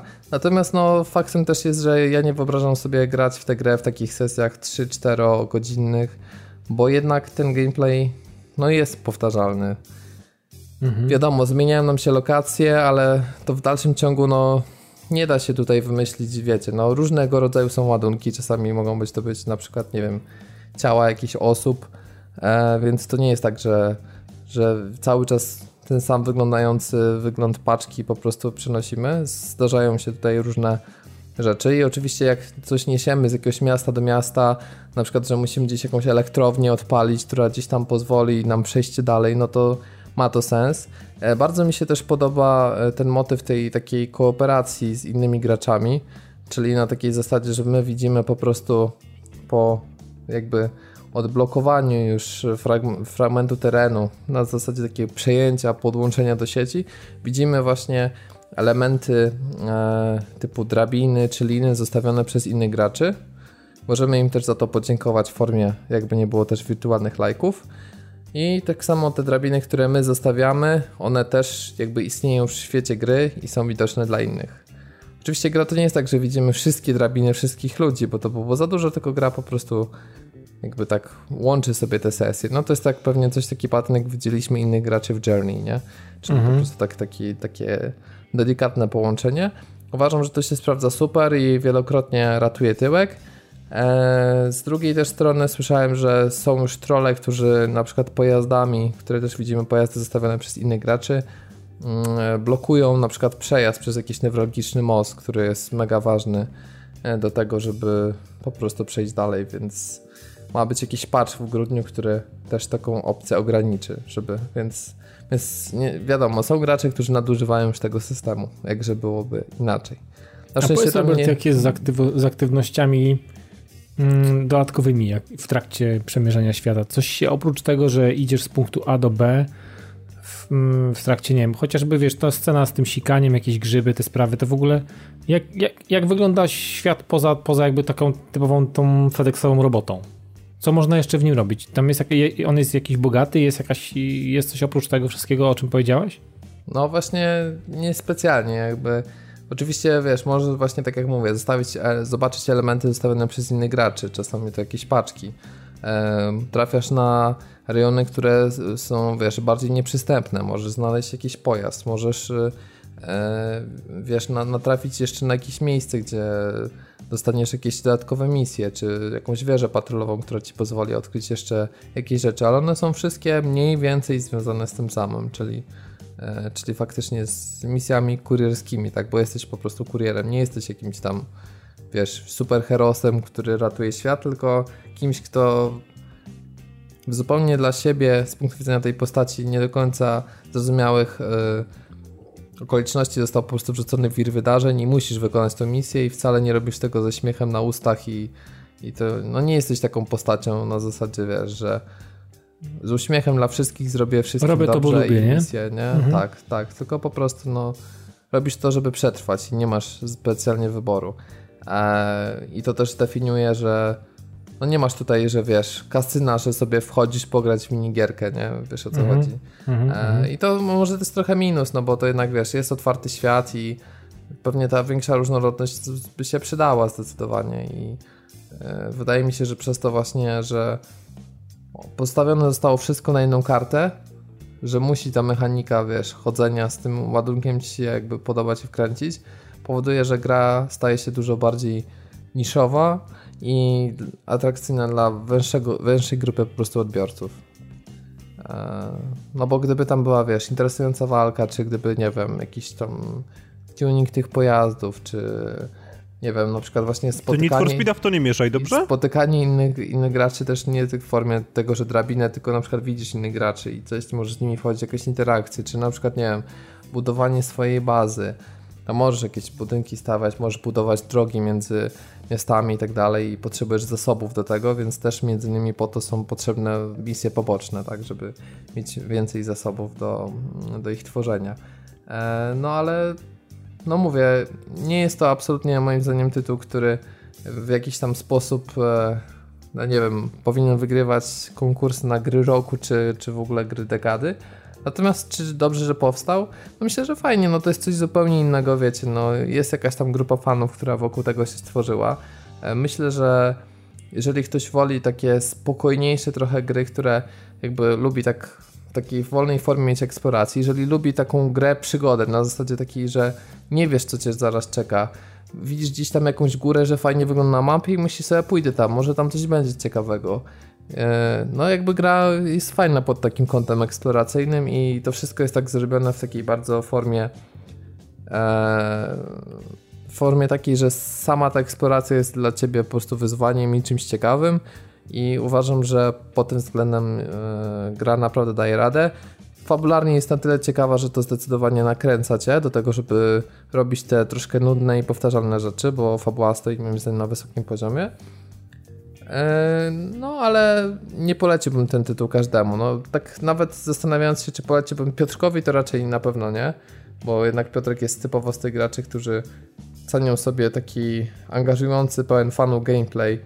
Eee, ja no, przypominam, że mam nabite 80 godzin w Elite Dangerous, więc jakby a propos tego ciekawego gameplayu...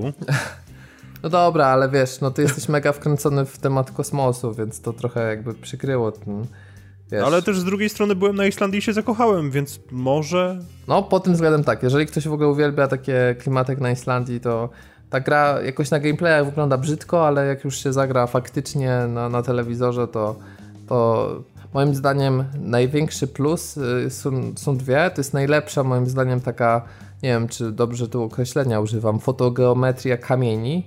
W sensie normalnie jak są kamienie w grze, to bardzo często one są mega powtarzalne, a tutaj po Takie prostu kartofle, no. z jakiegoś powodu one są, każdy jest inny i jeszcze po prostu widzisz je przez cały ekran, w sensie one się jakby nie doczytują w sposób wizualny, więc jakby jakość terenu zrobiona jest naprawdę na mega wysokim poziomie. No i też brody w grze. Tam naprawdę oni zrobili tak, że i fryzury, że w ogóle włosy postaci są no mega realistycznie i jakby odważnie tu Kojima nie boi się dużych zbliżeń i takich emocji, mimiki twarz twarzy, no ale mówimy to o poziomie, gdzie po prostu no, poszczególne jakby, nie wiem, nie źdźbła, bo źdźbła to trawy, ale poszczególne kosmyki czy małe włosy, to wszystko jest po prostu widoczne, animowane też wiatrem i dodaje takiej właśnie prawdziwości tych postaci i jest zrobione na, na naprawdę mega wysokim poziomie, więc kamienie i włosy. Jeszcze jedną rzecz, Robert, zapytam cię. Mhm. Jaką rolę odgrywają te słoiki z ogórkami, które oni noszą cały czas przy sobie na klacie? E, Generalnie to jest tak, że tak, te małosolne. Tak. E, to, to są specjalnie hodowane, no nie wiem czy można nazwać noworodki, bo to mm, nazwijmy to płody w sumie, no bo to są to płody, które e, są w stanie pomagać ci wyczuwać właśnie te BTs, o których mówiłem, czyli te postaci innego Ale to nie wymiaru. od tego masz w takim razie ten pierdolnik przyczepiony do plecaka, który ci zaczyna świrować?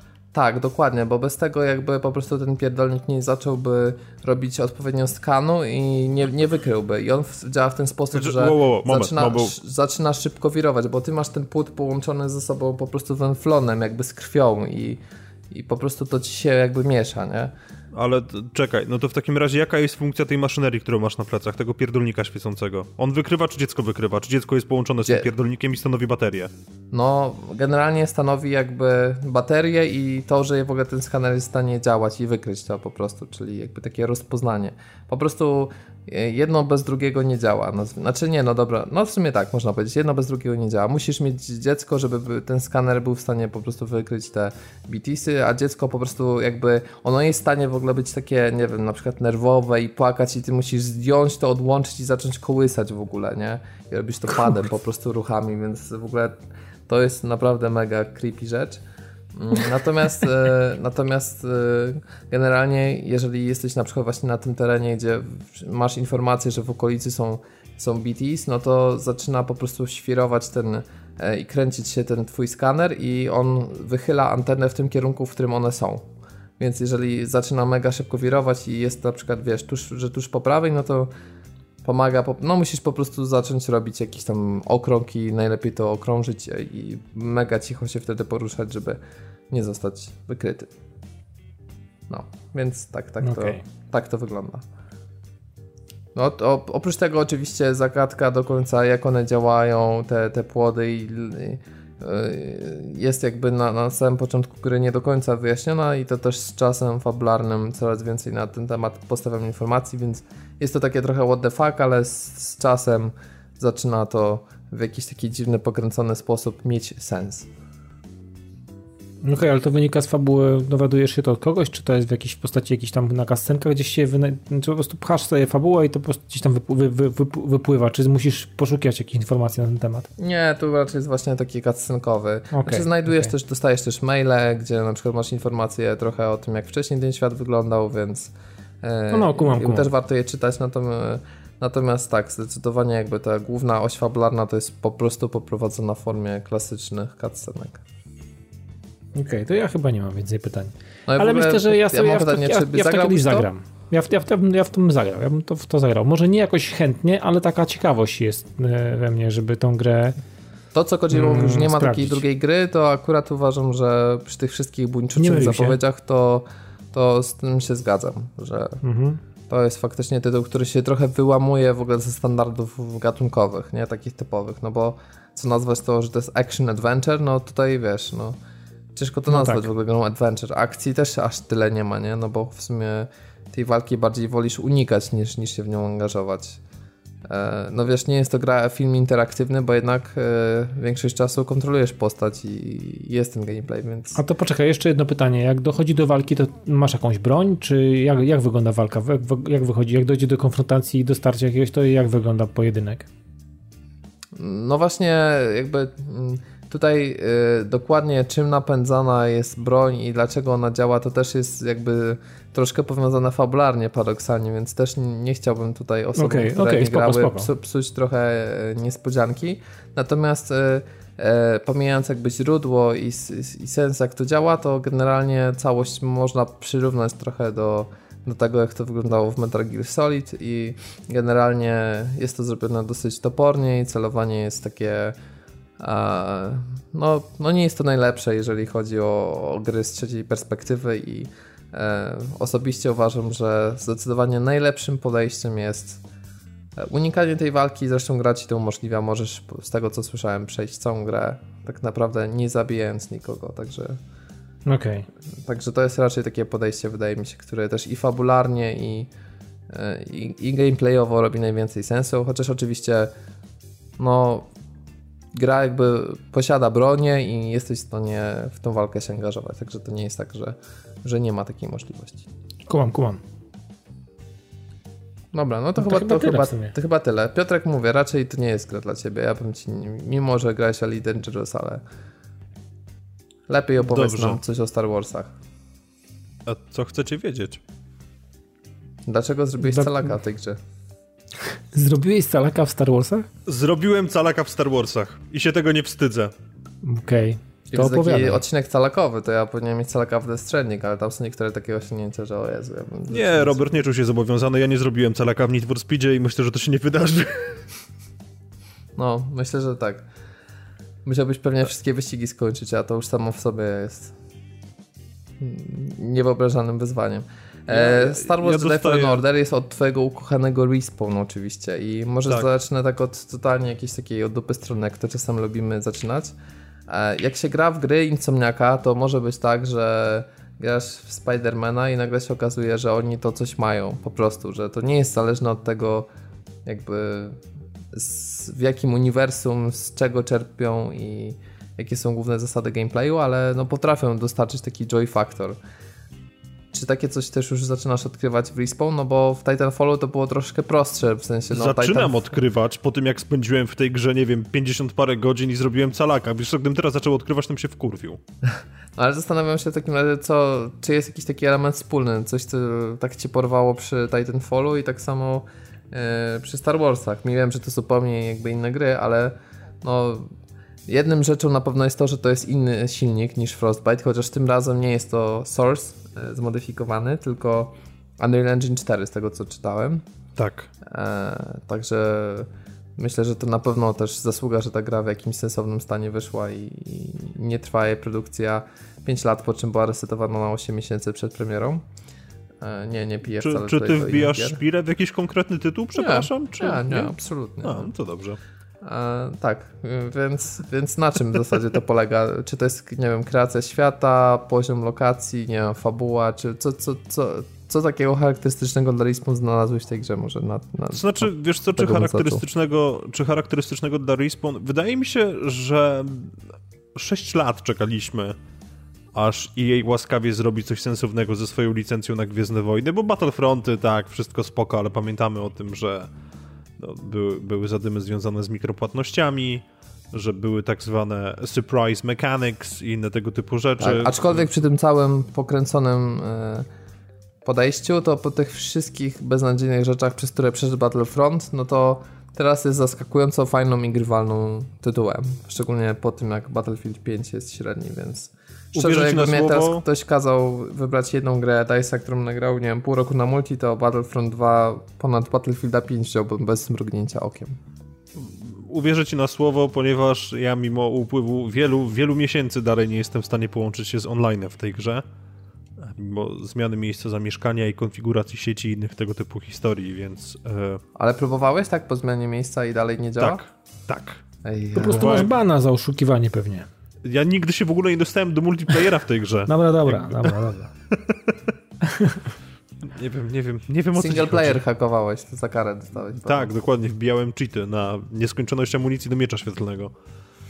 Eee, tak, ale czekaliśmy 6 lat i wydaje mi się, że ta gra bardzo dobrze siadła z tego względu właśnie, że nie było gry tego typu od bardzo dawna, bo w zasadzie wydaje mi się, że tytułem, który można byłoby postawić gdzieś w okolicy Fallen Order to jest The Force Unleashed, które wyszło no nie wiem, w jakimś wczesnym kenozoiku, tak jak sięgam pamięcią, więc... No i po pierwsze, pierwsza część to była taka gra, pamiętam, taka na zasadzie, że 7 na 10, że taka nawet niezła, a od dwójka to już, yy, to już się od niej odbiłem i uważam, że była dużo, dużo słabsza niestety. Ja miałem bardzo podobnie, bo ja dwójki nawet nie skończyłem. Ja też nie. No to, to high five. W każdym razie tutaj właśnie po, po tym, jak mieliśmy te różne anulowania różnych projektów, zamknięcie e, Visceral Games na zawsze w serduszku, które pracowało nad swoją własną grą, no to wreszcie zostało dowiezione coś ze świata Gwiezdnych Wojen i wydaje mi się, że to, co Respawn zrobiło bardzo dobrze, to jest uchwycenie klimatu Gwiezdnych Wojen. Bo oni, oni przyjęli na barki naprawdę bardzo o, no bardzo ogromne po prostu zadanie związane z tym, że dogadali się z LucasArts i kontrakt pomiędzy EA, Respawnem, a, a, a Lucasem i Disneyem zakłada, że to, co się dzieje w tej grze jest kanoniczne, czyli to nie jest na tej zasadzie, jak oni po prostu stwierdzili, że mamy 100 ileś tam książek z uniwersum Gwiezdnych Wojen, więc teraz wypieprzymy je wszystkie do kosza i zapiszemy je jako niekanoniczne i to będą legendy. To nie jest nic z tych rzeczy, to jest autentycznie to, co należy do kanonu Gwiezdnych Wojen i uważam, że była to naprawdę... 2 też należy tak by the way. What? Wydarzenia z Battlefronta 2 też są kanoniczne. Aha. To, co się dzieje online jest bardzo kanoniczne, jak obrażają ci matkę. nie może nie kanoniczne, mówią, ale życiowe na pewno. Tak, mówią co, co, co się działo wczoraj wieczorem. Natomiast e, tak, wydaje mi się, że, że jakby Respawn bardzo dobrze udźwignęło ten ciężar stworzenia postaci, które by pasowały do świata Gwiezdnych Wojen, ale to jest zaskakujące, ponieważ z jednej strony te postacie są bardzo sympatyczne. Mamy tego głównego bohatera, który nazywa się Cal Kestis i, i na samym początku gry, jak się okazuje, to zajmuje się rozbiórką wraków na, na planecie, która się podaje, że nazywa Braka i w związku właśnie tam z różnymi wydarzeniami przez przypadek zostaje zmuszony do ujawnienia się jako Jedi. Mhm. E, no bo no cała, on oczywiście... jest jednym z ostatnich żyjących, tak? No bo to jest... E, tak. Umiejscowiona tak, tak, tak. fabuła jest e, między którymi epizodami? Trzecim a czwartym? Nie. Dokładnie. Tak, bo to jest już po tym, jak Palpatine wy, wycedził swoje wspaniałe Order 66. Mhm. E, więc tak, i właśnie Jedi się ukrywają, bo są oczywiście ganiani po całej galaktyce. No i właśnie tutaj dochodzi do takiej sytuacji, że nie jest zmuszony do użycia tej mocy, w związku z czym zaraz się pojawia cały pierdolnik, bo zostaje wykryty, tak? I nagle cała planeta zamienia się po prostu w jedno wielkie pobojowisko. I wydaje mi się, że on też jest bardzo dobrze dopasowany do świata Gwiezdnych Wojen, w związku z tym, że, i przepraszam, że to powiem, ale on jest dość nudny. Jakby to nie jest postać, którą, z którą się można jakoś specjalnie utożsamić i wydaje mi się, że jakby jedną z tych rzeczy, na które cierpią niektóre historie z uniwersum jest to, że one są potwornie naiwne i to, to jest też cecha, którą dzieli z całym uniwersum e, właśnie Fallen Order. Więc fabularnie jest ok, po prostu, można, można tyle powiedzieć, tak? Nie ma tragedii, wpisuje się to wszystko w kanon, haha, ale no też jednocześnie nie porywa jakoś turbo specjalnie, bo bardzo dużym problemem rozgrywki w tym wypadku jest pacing, ponieważ jesteś tym Jedi, tak? Zostajesz znaleziony i porwany w ogóle z tej planety przez, przez e, twoich współpracowników, którzy twierdzą, że, że, że są twoimi przyjaciółmi, po prostu nagle cię wyciągają z tarapatów i oczywiście wraz z postępem w grze zdobywają twoje zaufanie i tak dalej, i tak dalej. Um, zapomniałem, co chciałem powiedzieć, tak bardzo się zakręciłem. Chciałeś powiedzieć, że o coś o fabule i o sposobie prowadzenia fabuły. E, tak, że, że zostajesz właśnie porwany z tej planety i następnie zaczynasz jakby odnajdywać siebie samego, ponieważ twoje połączenie z mocą zostało uszkodzone w związku z jakimiś tam wydarzeniami z przeszłości. I problem polega na tym, że tak jak w The Force Unleashed byłeś tym badasem, który po prostu robił kompletną rozwałkę, tak tutaj przez dobre 75% gry brakuje ci tych najbardziej podstawowych umiejętności charakterystycznych dla Jedi i się trochę męczysz, bo brakuje ci tego, żeby zepchnąć tych ludzi w przepaść, żeby, żeby przyciągnąć ich do siebie. I dopiero na sam koniec rozgrywki w zasadzie czujesz, że rzeczywiście jesteś Jedi, który jest w stanie wyrządzić pewnego rodzaju szkodę, a tak to musisz kombinować, musisz się skradać. Taki biedny prawdopodobnie... Jedi jesteś po prostu przez 3 czwarte gry, no, a mieczem świetnym chociaż machasz od początku, tak? Tak, mieczem świetnym machasz od Ale początku. generalnie to jest tak, że jakiś taki byle chłystek Stormtrooper może ci dać ten możecie zabić bardzo łatwo, tak? Czy... Wiesz co, tak, ale wydaje mi się, że jest to też wpisane w sam design gry w związku z tym, że ona ma być trudna. Ja grałem na poziomie hard, to jest drugi najwyższy i naprawdę zdarzało mi się dostać w pierdziel od, od bandy tych, tych, tych ludzi z, z wiadrami na głowie. Eee, jest to dość mocno soulsowe podejście do tematu, z tego względu, że ta gra ma być trudna i w momencie, kiedy zginiesz, musisz wrócić do miejsca, w którym zginąłeś i dopaść typa, który zadał ci, ostatecz... który zadał ci ten ostatni cios, żeby odzyskać expa jakby, który się skumulował w momencie, kiedy grałeś wcześniej. Okej, okay, no to faktycznie taka powiedzmy, soulsowa mechanika, ale co, w większości razy udawało ci się to wykonać? To by było bardzo trudne, czy... Czy, no, czy nie? To nie było bardzo trudne, tylko wiesz, z drugiej strony jakby tutaj jest trochę tak, że ty sam narzucasz sobie poziom wyzwania, które, które podejmujesz z tego względu, że e, jako osoba, która zrobiła calaka, o tym wiem, e, poziomy trudności poszczególne nie są obwarowane achievementami, czy A, na odwrót, one nie są obwarowane, więc nawet jeżeli przejdziesz po prostu na niższym poziomie trudności, to i tak możesz sobie zrobić calaka i być jakby na tym samym poziomie niejako według achievementów co osoba, która spędziła w tej grze trzy razy więcej czasu i połamała trzy pady. No tak, ale wiesz, własna satysfakcja to jest coś, czego żaden achievement ci, wiesz, nie zmieni. Prawda. Czyli przyszedłeś, czyli wbiłeś calaka na hardzie, innym słowem grając, tak? Czy w ogóle wymagało Wbiłem... to dwóch przejść dla ciebie, czy jednego? Nie, nie wymagało to dwóch przejść, ale właśnie to jest jedne, z jednej strony błogosławieństwo, a z drugiej strony straszne przekleństwo tej gry, bo tak jak e, Dawid mówił o o Terminatorze, że tam się nie da wrócić do lokacji, to tutaj jesteś do tego zmuszany. I niestety te lokacje są absolutnie przepięknie wykreowane. Naprawdę nie wiem, kto je robił i nie wiem, kto nad, nad tą osobą stał, kto tym wszystkim kierował, ale naprawdę jestem turbo wdzięczny w związku z tym, że to była osoba, która powiedziała postawmy na jakość, nie na ilość.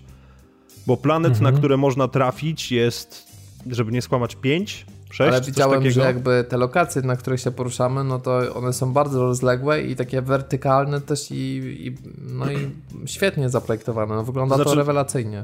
Level design jest po prostu moim zdaniem jednym z lepszych, jakie widziałem na tej generacji. Naprawdę, z ręką na sercu to jak bardzo rozbudowane są te poziomy i jak bardzo różnorodne, ale jednocześnie spójne, jeżeli to ma sens. Po prostu jak one płynnie przechodzą e, z jednego klimatu w drugi, to jest absolutny majstersztyk. I naprawdę trafiłem na, na, na jedną z pierwszych planet, która się nazywa Zefo, byłem tam pierwszy raz i zamyślę, ok, dobra, no to teraz już kawałek tej planety zobaczyłem i w momencie, kiedy odpalimy menu pauzy, to jest pokazane, ile tej planety eksplorowaliśmy. Jak ja zobaczyłem, że to jest 12%, to mi zgięło.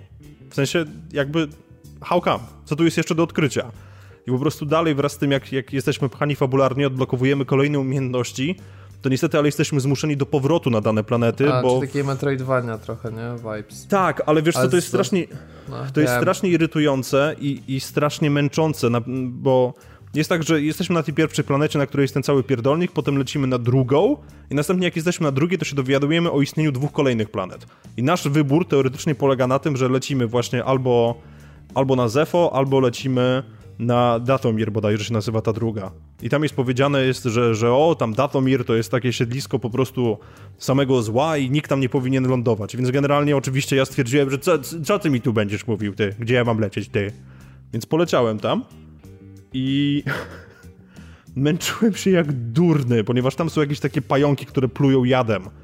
Więc kolejne dwie godziny spędziłem po prostu naprawdę przeklinając i próbując je wszystkie pokonać. E, ale w końcu mi się to udało i dotarłem właśnie do takiego jednego miejsca, gdzie odbywa się tam pewnego rodzaju konwersacja z napotkanym NPC-em i sobie myślę, tak, okej, okay, dobra, teraz coś się w końcu dzieje. I się nagle okazuje, że po tym, jak spędziłem te x czasu walcząc z tymi pieprzonymi pająkami, ja nie jestem w stanie przeskoczyć do, do odpowiedniego miejsca, bo brakuje mi double jumpa, który jest jedną z ostatnich rzeczy, jakie odblokowujemy. No fuck. O ja, no to nie powinna gra ci udostępnić możliwości poleceń na planetę, jeżeli potem masz po prostu ślepy zaułek, nie? Znaczy, nie, ja w pewnym sensie szanuję ten zabieg, bo to po prostu pokazuje pokazuje, że, że, że jakby twórcy mieli pewnego rodzaju zamysł, ale no problem w tym wszystkim jest taki, że naprawdę się w cholerę namęczyłem tylko po to, żeby się dowiedzieć, że to jest planeta, która uwarunkowuje fabularnie jakby obecność twoją na niej i musisz przejść kolejne trzy po drodze, żeby tam rzeczywiście trafić i być w stanie cokolwiek zrobić. No to faktycznie brzmi trochę Brzmi trochę niestety alarmująco pod tym kątem, że wiecie, że ja nie lubię specjalnie e, backtrackingu, już nawet w samych ba Batmanach, czy zaznaczanie e, znajdzie Riddlera w momencie, kiedy wiem, że ja nie mogę tego zabrać, to jest, e, to jest niestety ból. No ale cóż, no ale tutaj rozumiem, że ten backtracking raczej też polega na tym, że odkrywamy sobie jakąś jedną trzecią lokację danej planety i potem dostajemy umiejętność, która pozwala nam na eksplorację reszty, tak? Więc Oj nie, nie, nie, nie, nie, nie, nie, to nie do końca tak wygląda, bo to wiesz, to, to może być taka sytuacja, że trafiasz na planetę, wykonujesz tam x czynności, eksplorujesz powiedzmy jedną czwartą czy jedną trzecią tej planety i nie możesz pójść dalej, dopóki nie polecisz na drugą planetę i nie zdobędziesz jakiegoś skilla. Okay. I to nawet nie chodzi o to, że możesz pójść dalej na tej pierwszej planecie, tylko bardziej chodzi o to, że możesz wrócić i poszukać sekretów w tej części, którą już teoretycznie eksplorowałeś, bo jest taki patent, że na samym początku w tej grze możesz pływać tylko na powierzchni i potem na skutek wydarzeń fabularnych dostajesz jakiś taki pierdolnik, który możesz sobie wsadzić usta i oddychać pod wodą. I nagle się okazuje, że na poprzedniej planecie masz w cholerę jezior, które możesz sobie poeksplorować, a czego wcześniej nie mogłeś zrobić. Jesteś zmuszony wrócić tam, żeby popływać i znaleźć skrzynki, które są pod wodą, a tych skrzynek jest naprawdę od jasnej cholery. Okej, okay. czyli faktycznie trzeba po prostu w każdy kąt zaglądać i... Trzeba i zaglądać w każdy kąt. I jest tam jakby... coś, czy to jest poziomem w Gearsach, kiedy jest ten kąt, znaczy... kiedy wygląda najlepiej na świecie, że tam musi być zarobista znaczka, tam nigdy nic nie ma. Zawsze jest tak specjalnie zrobione w Gearsach, co znaczy... mnie doprowadza do szału po prostu. Wiesz co, jest tak, że jesteś zdecydowanie nagradzany za eksplorację, ale ona też jest od ciebie oczekiwana, ponieważ dość duży nacisk jest nałożony na to, że masz swój miecz świetlny, który jest twoją bronią, więc masz zrobione wspaniałe takie workbenche porozstawiane po całym świecie, gdzie możesz sobie doprowadzić ten, stan, ten miecz świetlny takiego stanu, jakbyś chciał. Możesz tam zmieniać różne rękojeści, emitery, jakieś przełączniki, stratatata i inne tego typu pierdoły. I właśnie w tych skrzynkach znajdujesz tylko i wyłącznie rzeczy, które są związane jakby z, z, kosmetyką, bo znajdujesz sobie właśnie jakieś tam pierdolniki do tego miecza świetlnego, inny kolor poncho, jakiś skin dla twojego droida, który jest turbo sympatycznym tworem i naprawdę gratuluję Respawn zrobienia robocika, który jest tak szalenie emocjonalny i wyrazisty bo to nie jest proste w momencie, kiedy masz coś, co biega na dwóch łapach i generalnie nie jest w stanie do ciebie powiedzieć nic poza jakimś tam śmiesznym piszczeniem typowo dla droidów z Gwiezdnych Wojen, więc kreacja BD-1 jest naprawdę rewolucyjna, ale może oni po prostu się już czegoś nauczyli na e, BT z Titanfalla, tylko że on mógł mówić, no a tutaj tutaj tego nie ma, ale naprawdę jego animacje są cudownie zrobione i widać taką radość, która z niego wypływa. O, no to Także... też super. W ogóle też te momenty e, takie nazwijmy to eksploracyjne, a nie walki też są dosyć rozbudowane z tego co widziałem. Znaczy mi, podoba mi się takie elementy klimatyczne typu e, że po prostu wchodzisz do jakiejś jaskini i sobie ją rozświetlasz mieczem świetlnym. Uważam, że to jest po prostu mega klimat, a z drugiej strony mm, te fragmenty, kiedy tak skaczesz po poziomach i jakby e, wyprowadź mnie z błędu, jeżeli mam błędne skojarzenie, ale kurczę, mam wrażenie, że fragmenty tych lokacji kojarzyły mi się z tym Prince of Persia z 2008 roku. Na zasadzie I... tak, takiego, wiesz, takiego ślizgania się po tych wszystkich... Cel-shadingowy, tak. Tak. I tutaj może, może być trochę pies pogrzebany, jeżeli chodzi o to, dlaczego mi ta gra tak strasznie przypadła do gustu, bo dla mnie to jest najlepszy pop, jaki kiedykolwiek powstał i ja też nim, w nim zrobiłem platynę zresztą. Mhm, no, dla mnie też to jest najlepszy pop zdecydowanie i uwielbiałem tę grę, także... Także pod kątem eksploracji ten świat jest absolutnie fantastycznie wykreowany i jakby zarówno walka, która no potrafi ugryźć w dupę, ale niestety w momencie, kiedy mamy jakikolwiek pojedynek z bossem, to no jest, jest strasznie schematycznie to po prostu nie stawia do końca przed tobą takiego wyzwania, jakbyś chciał. To jest gra, która cię każe za to, że jesteś pierdołą i nie blokujesz w odpowiednim momencie, ale z drugiej strony w momencie, kiedy kończysz jakąś walkę, to ona jest wynagradzająca, w sensie to zwycięstwo, ale nie tak, jak powinno moim zdaniem. Czyli bardziej zwycięstwem jest ta eksploracja, w sensie to też to takie skakanie, podwójny jump, gdzieś tutaj się ślizgasz, gdzieś przechodzisz tak na inną półkę, tak? To, to sprawia, no z tego co widziałem na gameplay chyba mega radochę właśnie, więc to jest to Jak najbardziej. Mhm. Tylko no podwójny jump, no to jest... No wiem, już jakaś tam kwestia dalsza fabuły. Tak, to jest dość późna historia. Mhm. E... A jaki jest w ogóle tak stosunek? W sensie to jest tak, że tych wrogów jest faktycznie od zakichania, że wiesz, że te, nie wiem, jaki jest nacisk, że 70% czasu spędzasz w walce, a eksploracja to jest tylko ta jedna trzecia, czy mniej więcej? Oj nie, ja bym powiedział, że tu jest balans zdecydowanie przesunięty w stronę eksploracji. To jest raczej e, bardzo płynnie wszystko przeplecione ze sobą, ponieważ gra prowadzi cię tak, że w momencie, kiedy na samym początku nie jesteś jeszcze kozakiem, znaczy przez większość gry nie jesteś kozakiem, ale kiedy rzeczywiście jeszcze jesteś tak, no, nie do końca wyposażony do tej walki, to stawia przed tobą bardzo niewielkie wyzwanie w tej, w tej kwestii, bo to jakieś potworki się gdzieś tam kręcą i tak dalej, przeplatane jakimś większym ewentualnym jednym oponentem, ale większość czasu jednak spędzasz na eksploracji i poznawaniu tego świata. Często też dochodzi do sytuacji, że trafiasz do jakiegoś miejsca jako pierwszy od, od, od wieków dosłownie I twoim zadaniem jest właśnie przejście przez dany grobowiec, tak żeby odkryć, co się w nim dzieje i na skutek właśnie tej podróży odblokować kolejny skill, który umożliwi ci potem lepszą walkę, wspinaczkę, cokolwiek. Mhm. Więc eksploracyjnie jest to naprawdę super zrobione i no nie wiem, wydaje mi się, że właśnie dlatego ta gra tak strasznie mi siadła, bo obserwowanie tego całego świata, tego, tej obecności imperium gdzieś tam z ukrycia, e, tego jak oni cię śledzą, naprawdę sprawiło mi dziko przyjemność. A są elementy skrankowe w tej grze, czy raczej zazwyczaj trzeba po prostu, to nie unika się walki po prostu musisz... No tu jest, tu jest ten problem, że niestety nie możesz uniknąć walki, a poza tym w momencie, kiedy nawet zabijesz jednego przeciwnika teoretycznie po cichu, chociaż nie ma takiego trybu walki, no to zaraz wszyscy wiedzą, gdzie jesteś. Po mhm. prostu jest jakaś kolektywna świadomość i, i to trochę rujnuje te doświadczenie. No i chyba AI nie stoi na, niestety na jakimś super poziomie z tego, co wysyłałeś po filmikach też tutaj przed nagraniem. Eee, tak. Ja mam nagraną całą masę filmików z tego względu, że uparłem się i wypluję z siebie wideo o tej grze, bo uważam, że ta gra mimo wszystko na to zasługuje. A mam napisane już, nie wiem, jakieś trzy strony tekstu, coś w tym stylu na ten temat i nagrałem naprawdę masę materiałów, ale tak, niestety AI jest jedną z głównych bolączek tej gry, coś co strasznie potrafi wyrwać cię z immersji, z tego względu, że wpadasz do jakiejś miejscówki, w której jest masa przeciwników, szturmowcy po prostu do ciebie wściekle strzelają, ty odbijasz te, te, te strzały z ich blasterów, pakujesz im je w głowę, w ogóle jest super, czujesz się i nie ma mocny i, i jest mega i następnie staje naprzeciwko ciebie przeciwnik, który zaczyna cię werbalnie obrażać przez minutę, ale nie jest w stanie do ciebie oddać jednego strzału, bo coś go blokuje. I jakby no, tego y- typu sytuacje zdarzają się zbyt często. To jest trochę tak, jakby oni oparli e, zachowanie przeciwników o jakiś strasznie archaiczny system, który dyktuje ich zachowania tak, że muszą pozostać w, w pewnym obszarze. Bo mi się zdarzało naprawdę, że stało przede mną czterech szturmowców, którzy byli w progu drzwi i nie przekroczyli tego progu no, o krok. Tylko mhm. po prostu stali. No nie oddawali strzału. taki trochę archaiczny design, ale E, z drugiej też strony może zabrakło czasu na jakieś takie bardziej zamasowane e, zachowania, bo mam wrażenie, patrząc też jak słyszałem o liczbie jakichś tam niedoróbek, jeszcze bugów, że no jednak ten tytuł trochę za szybko wyszedł, że gdyby nie to, że musiała być kampania marketingowa i też przed filmem i tak dalej, i tak dalej, że gdyby oni mogli jeszcze pół roku pracy włożyć w jakieś tam doszlifowanie, to pewnie gra by sporo na tym zyskała. Trzy miesiące do pół roku to jest moja prognoza, że tyle czasu mniej więcej im zabrakło.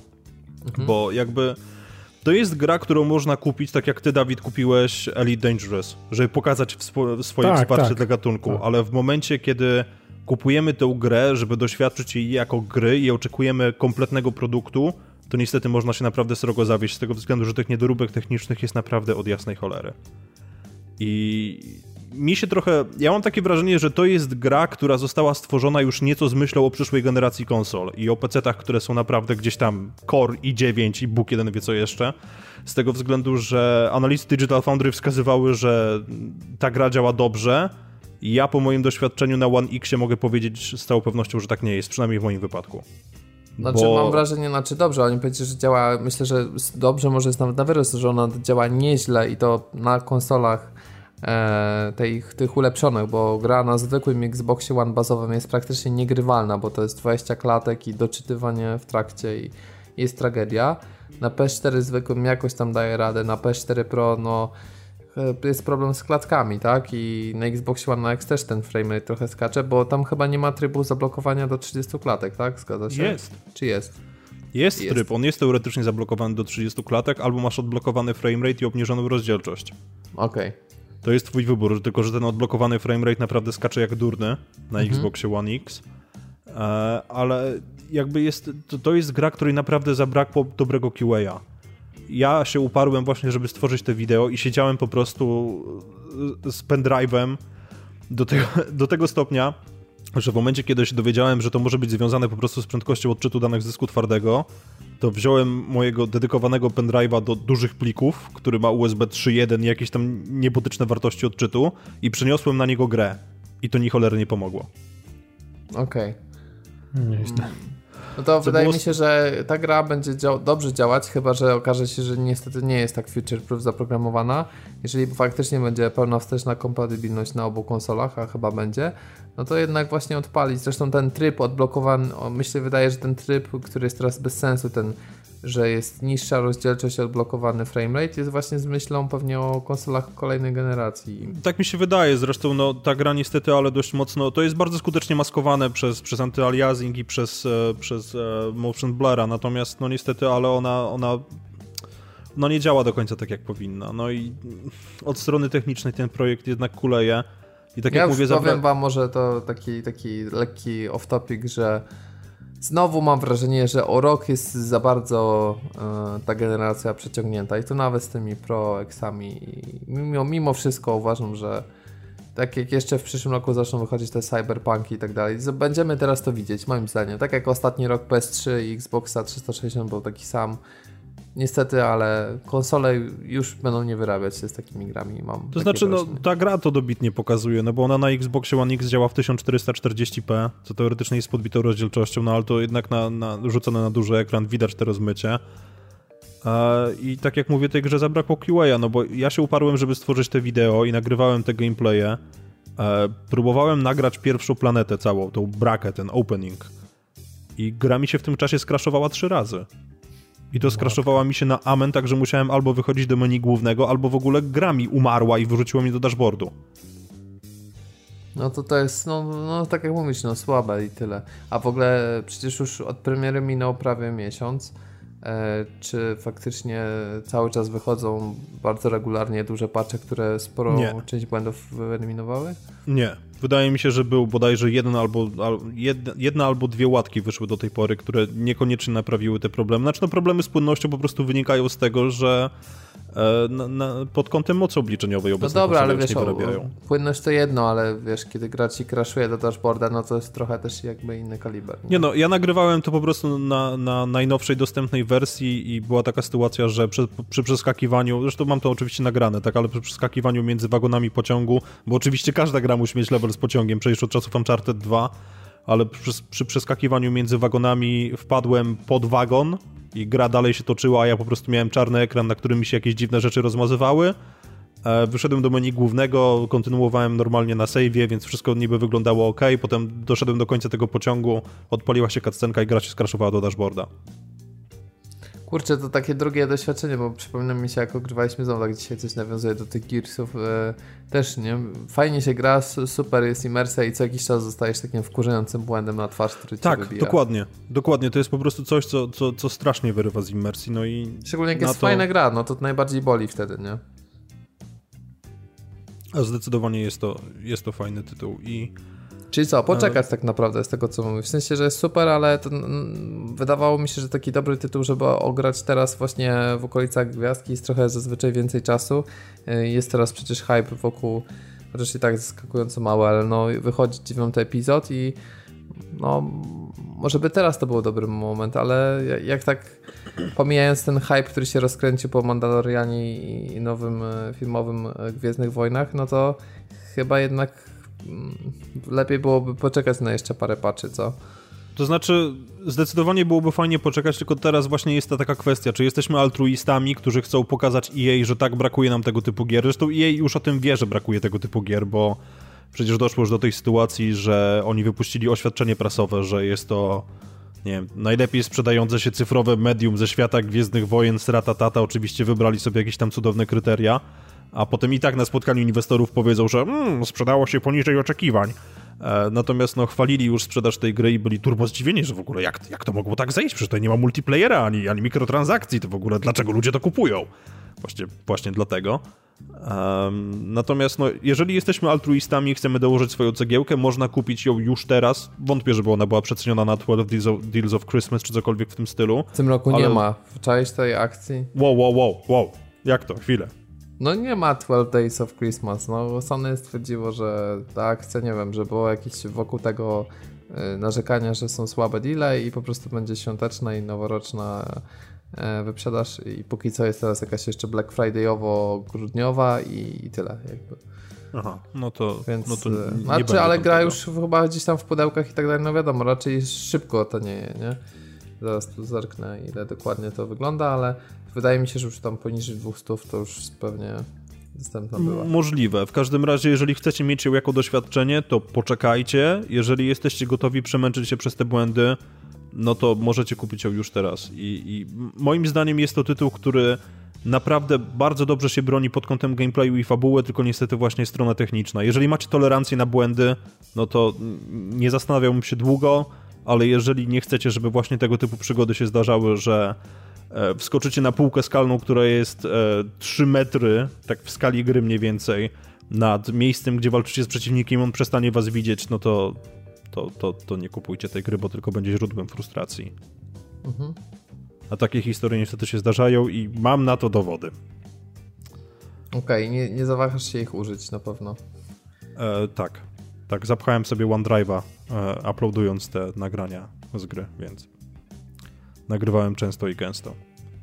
Dawidzie, też rozumiem, nie masz pytań, no bo jakby nie ma, nie ma metalowych słoni dużych, czy są? Są.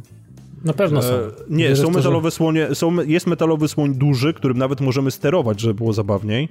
E, w momencie, kiedy trafiamy na Kashyyyk, więc wspaniałą planetę Łukich, które swoją drogą wyglądają jak postaci z The Sims 2 i nie wiem, co się tam stało, bo e, wszystkie owłosione postaci w tej grze, nazwijmy to w ten sposób, mają naprawdę bardzo dobrze odwzorowane włosy, jest fajna fizyka, chyba że akurat się zepsuje i grzywka postaci zacznie latać w jakiś niekontrolowany sposób.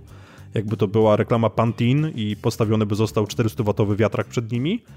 Natomiast e, łuki wyglądają jak mokre psy z The Sims 2. Są koszmarnie zrobione. Naprawdę.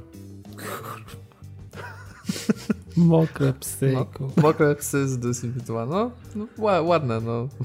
Muszę wygooglać to, bo nie kojarzę. Ale mogę ci screeny podesłać. Ale chcesz w sensie tak mokrych psów z Simsów, czy, czy łuki tak, z... Tak, Nie, nie, ja mówię o Wika. Ja, ja, nie wiem, czy były mokre psy, w, pfu, mokre psy w The Sims 2, natomiast wiem, że po prostu łuki wyglądają mniej więcej tak, jakby to było takie, no, no taka konwersja z PS3. Jest, jest okay. w Sims Paddy, bo jest taka, taki wspaniały po, no, musi wiki. być. Jest, jest, jest pies, który wychodzi po kąpieli. O Boże, faktycznie mod... O nie, chcecie... Ja wam to wkleję zaraz.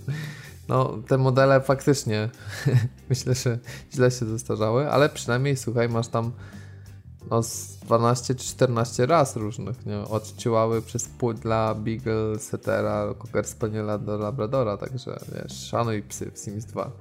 No tak. Daj głos, podcast rekomenduje. No zresztą jest ten wspaniały profil, nie? Na, na Twitterze, który pokazuje ci... Can you pet the dog? Can you pet the dog, dokładnie. I w Call of Duty Modern Warfare nie można, więc to jest niestety mega minus tej gry. A no to 2 na 10. Dokładnie. No faktycznie ten pies wygląda źle. Tak, ale tam był właśnie dodatek The Sims 2 zwierzaki, gdzie można było właśnie tworzyć psa tak jak z Sima się tworzy, że był cały kreator, nie? To było coś. Także czy to jest ten poziom, Piotrek? Jak już teraz widzisz, to jest e, kanciaste psy mniej więcej, faktycznie. Mm, w sensie, że, że łuki wyglądają jak szkocki terrier z The Sims 2, możemy to ustalić. To jest bardzo podobny poziom. A to przynajmniej... już wiemy, w którą stronę to poszło. No. Może korzystali z tych samych modeli sierści, nie mam bladego pojęcia, naprawdę. No wiesz, w sumie to EA i to EA, nie? Jakkolwiek pokrętnie to nie brzmi. No czekajcie, bo mam już, mam już screena, uploadował się nawet szybko. Okej, okay, to może wrzucimy na okładkę, bo czegoś potrzebujemy, także... O, to będzie świetny pomysł, tak. I na, Więc, nazwiemy to ale... tytuł odcinka Mokry Pies. No nie wiem, czy, czy to przejdzie, ale właśnie teraz się ładuje. Wspaniały screenshot.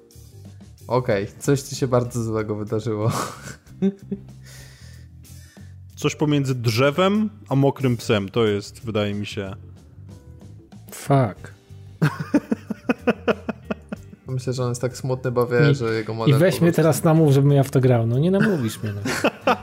Ale no w jakiej innej grze masz możliwość, wiesz, zobaczenia tego samego? Grania kurwa przerośniętą baklawą, tak?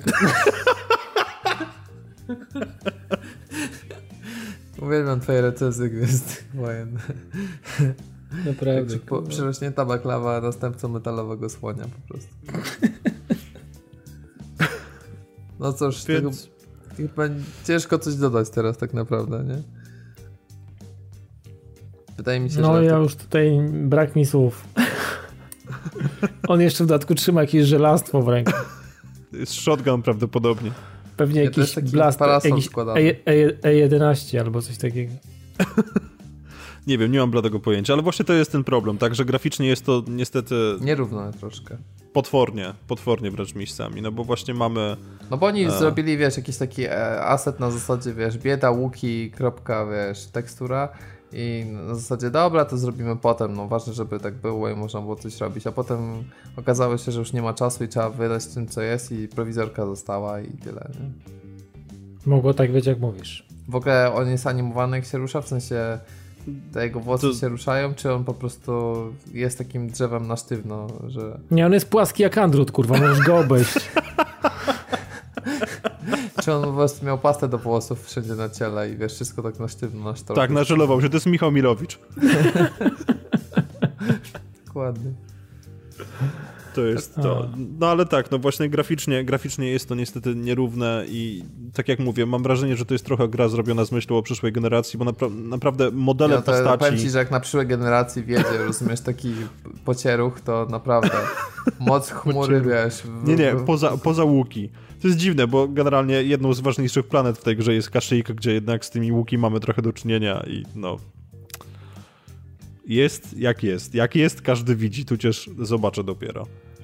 Ale modele postaci ogólnie są zrobione naprawdę świetnie i gra jest momentami zachwycająco piękna, a potem niestety trafiamy właśnie na, na, na mokrego psa, no i co zrobisz, jak nic nie zrobisz? No to chyba no. tyle w takim razie, jeżeli chodzi o Star Warsy. Ja już nie mam pytań, chyba, że ty, Dawidzie, jeszcze... Bo... Nie, nie, już. Już widziałem wszystko. Okej. Okay. Owłosiony, płaski andrut. Dziękuję. No i tym, tym optymistycznym akcentem myślę, że możemy sobie zakończyć 290,5 podcast. E, jeżeli chodzi o odcinek 300, kiedy dokładnie będzie, to damy wam znać. Myślę, że. Czas będziemy... pokaże. Czas pokaże, ale kto wie, może nawet będzie szybciej niż ponad Myślę, że będzie szybciej. Tak, tak mi się wydaje, że Być damy radę się właśnie uda nam się w tej przerwie świąteczno-noworocznej coś nagrać. Myślę, że to byłoby fajne to by nawet dawało jakieś szanse na wypuszczenie odcinka, bo tak patrzę w kalendarz i widzę, że 30 grudnia to poniedziałek, więc kto wie, kto wie. E, natomiast e, tak jak już mówiłem, jeżeli chodzi o dokładną formułę, jak to wygląda, to damy Wam znać na grupie na Facebooku, do której Was serdecznie zapraszamy. Odcinki możecie też słuchać przez patv.pl, na Spotify. E, jesteśmy także na Facebooku i na Twitterze oraz na Patronite.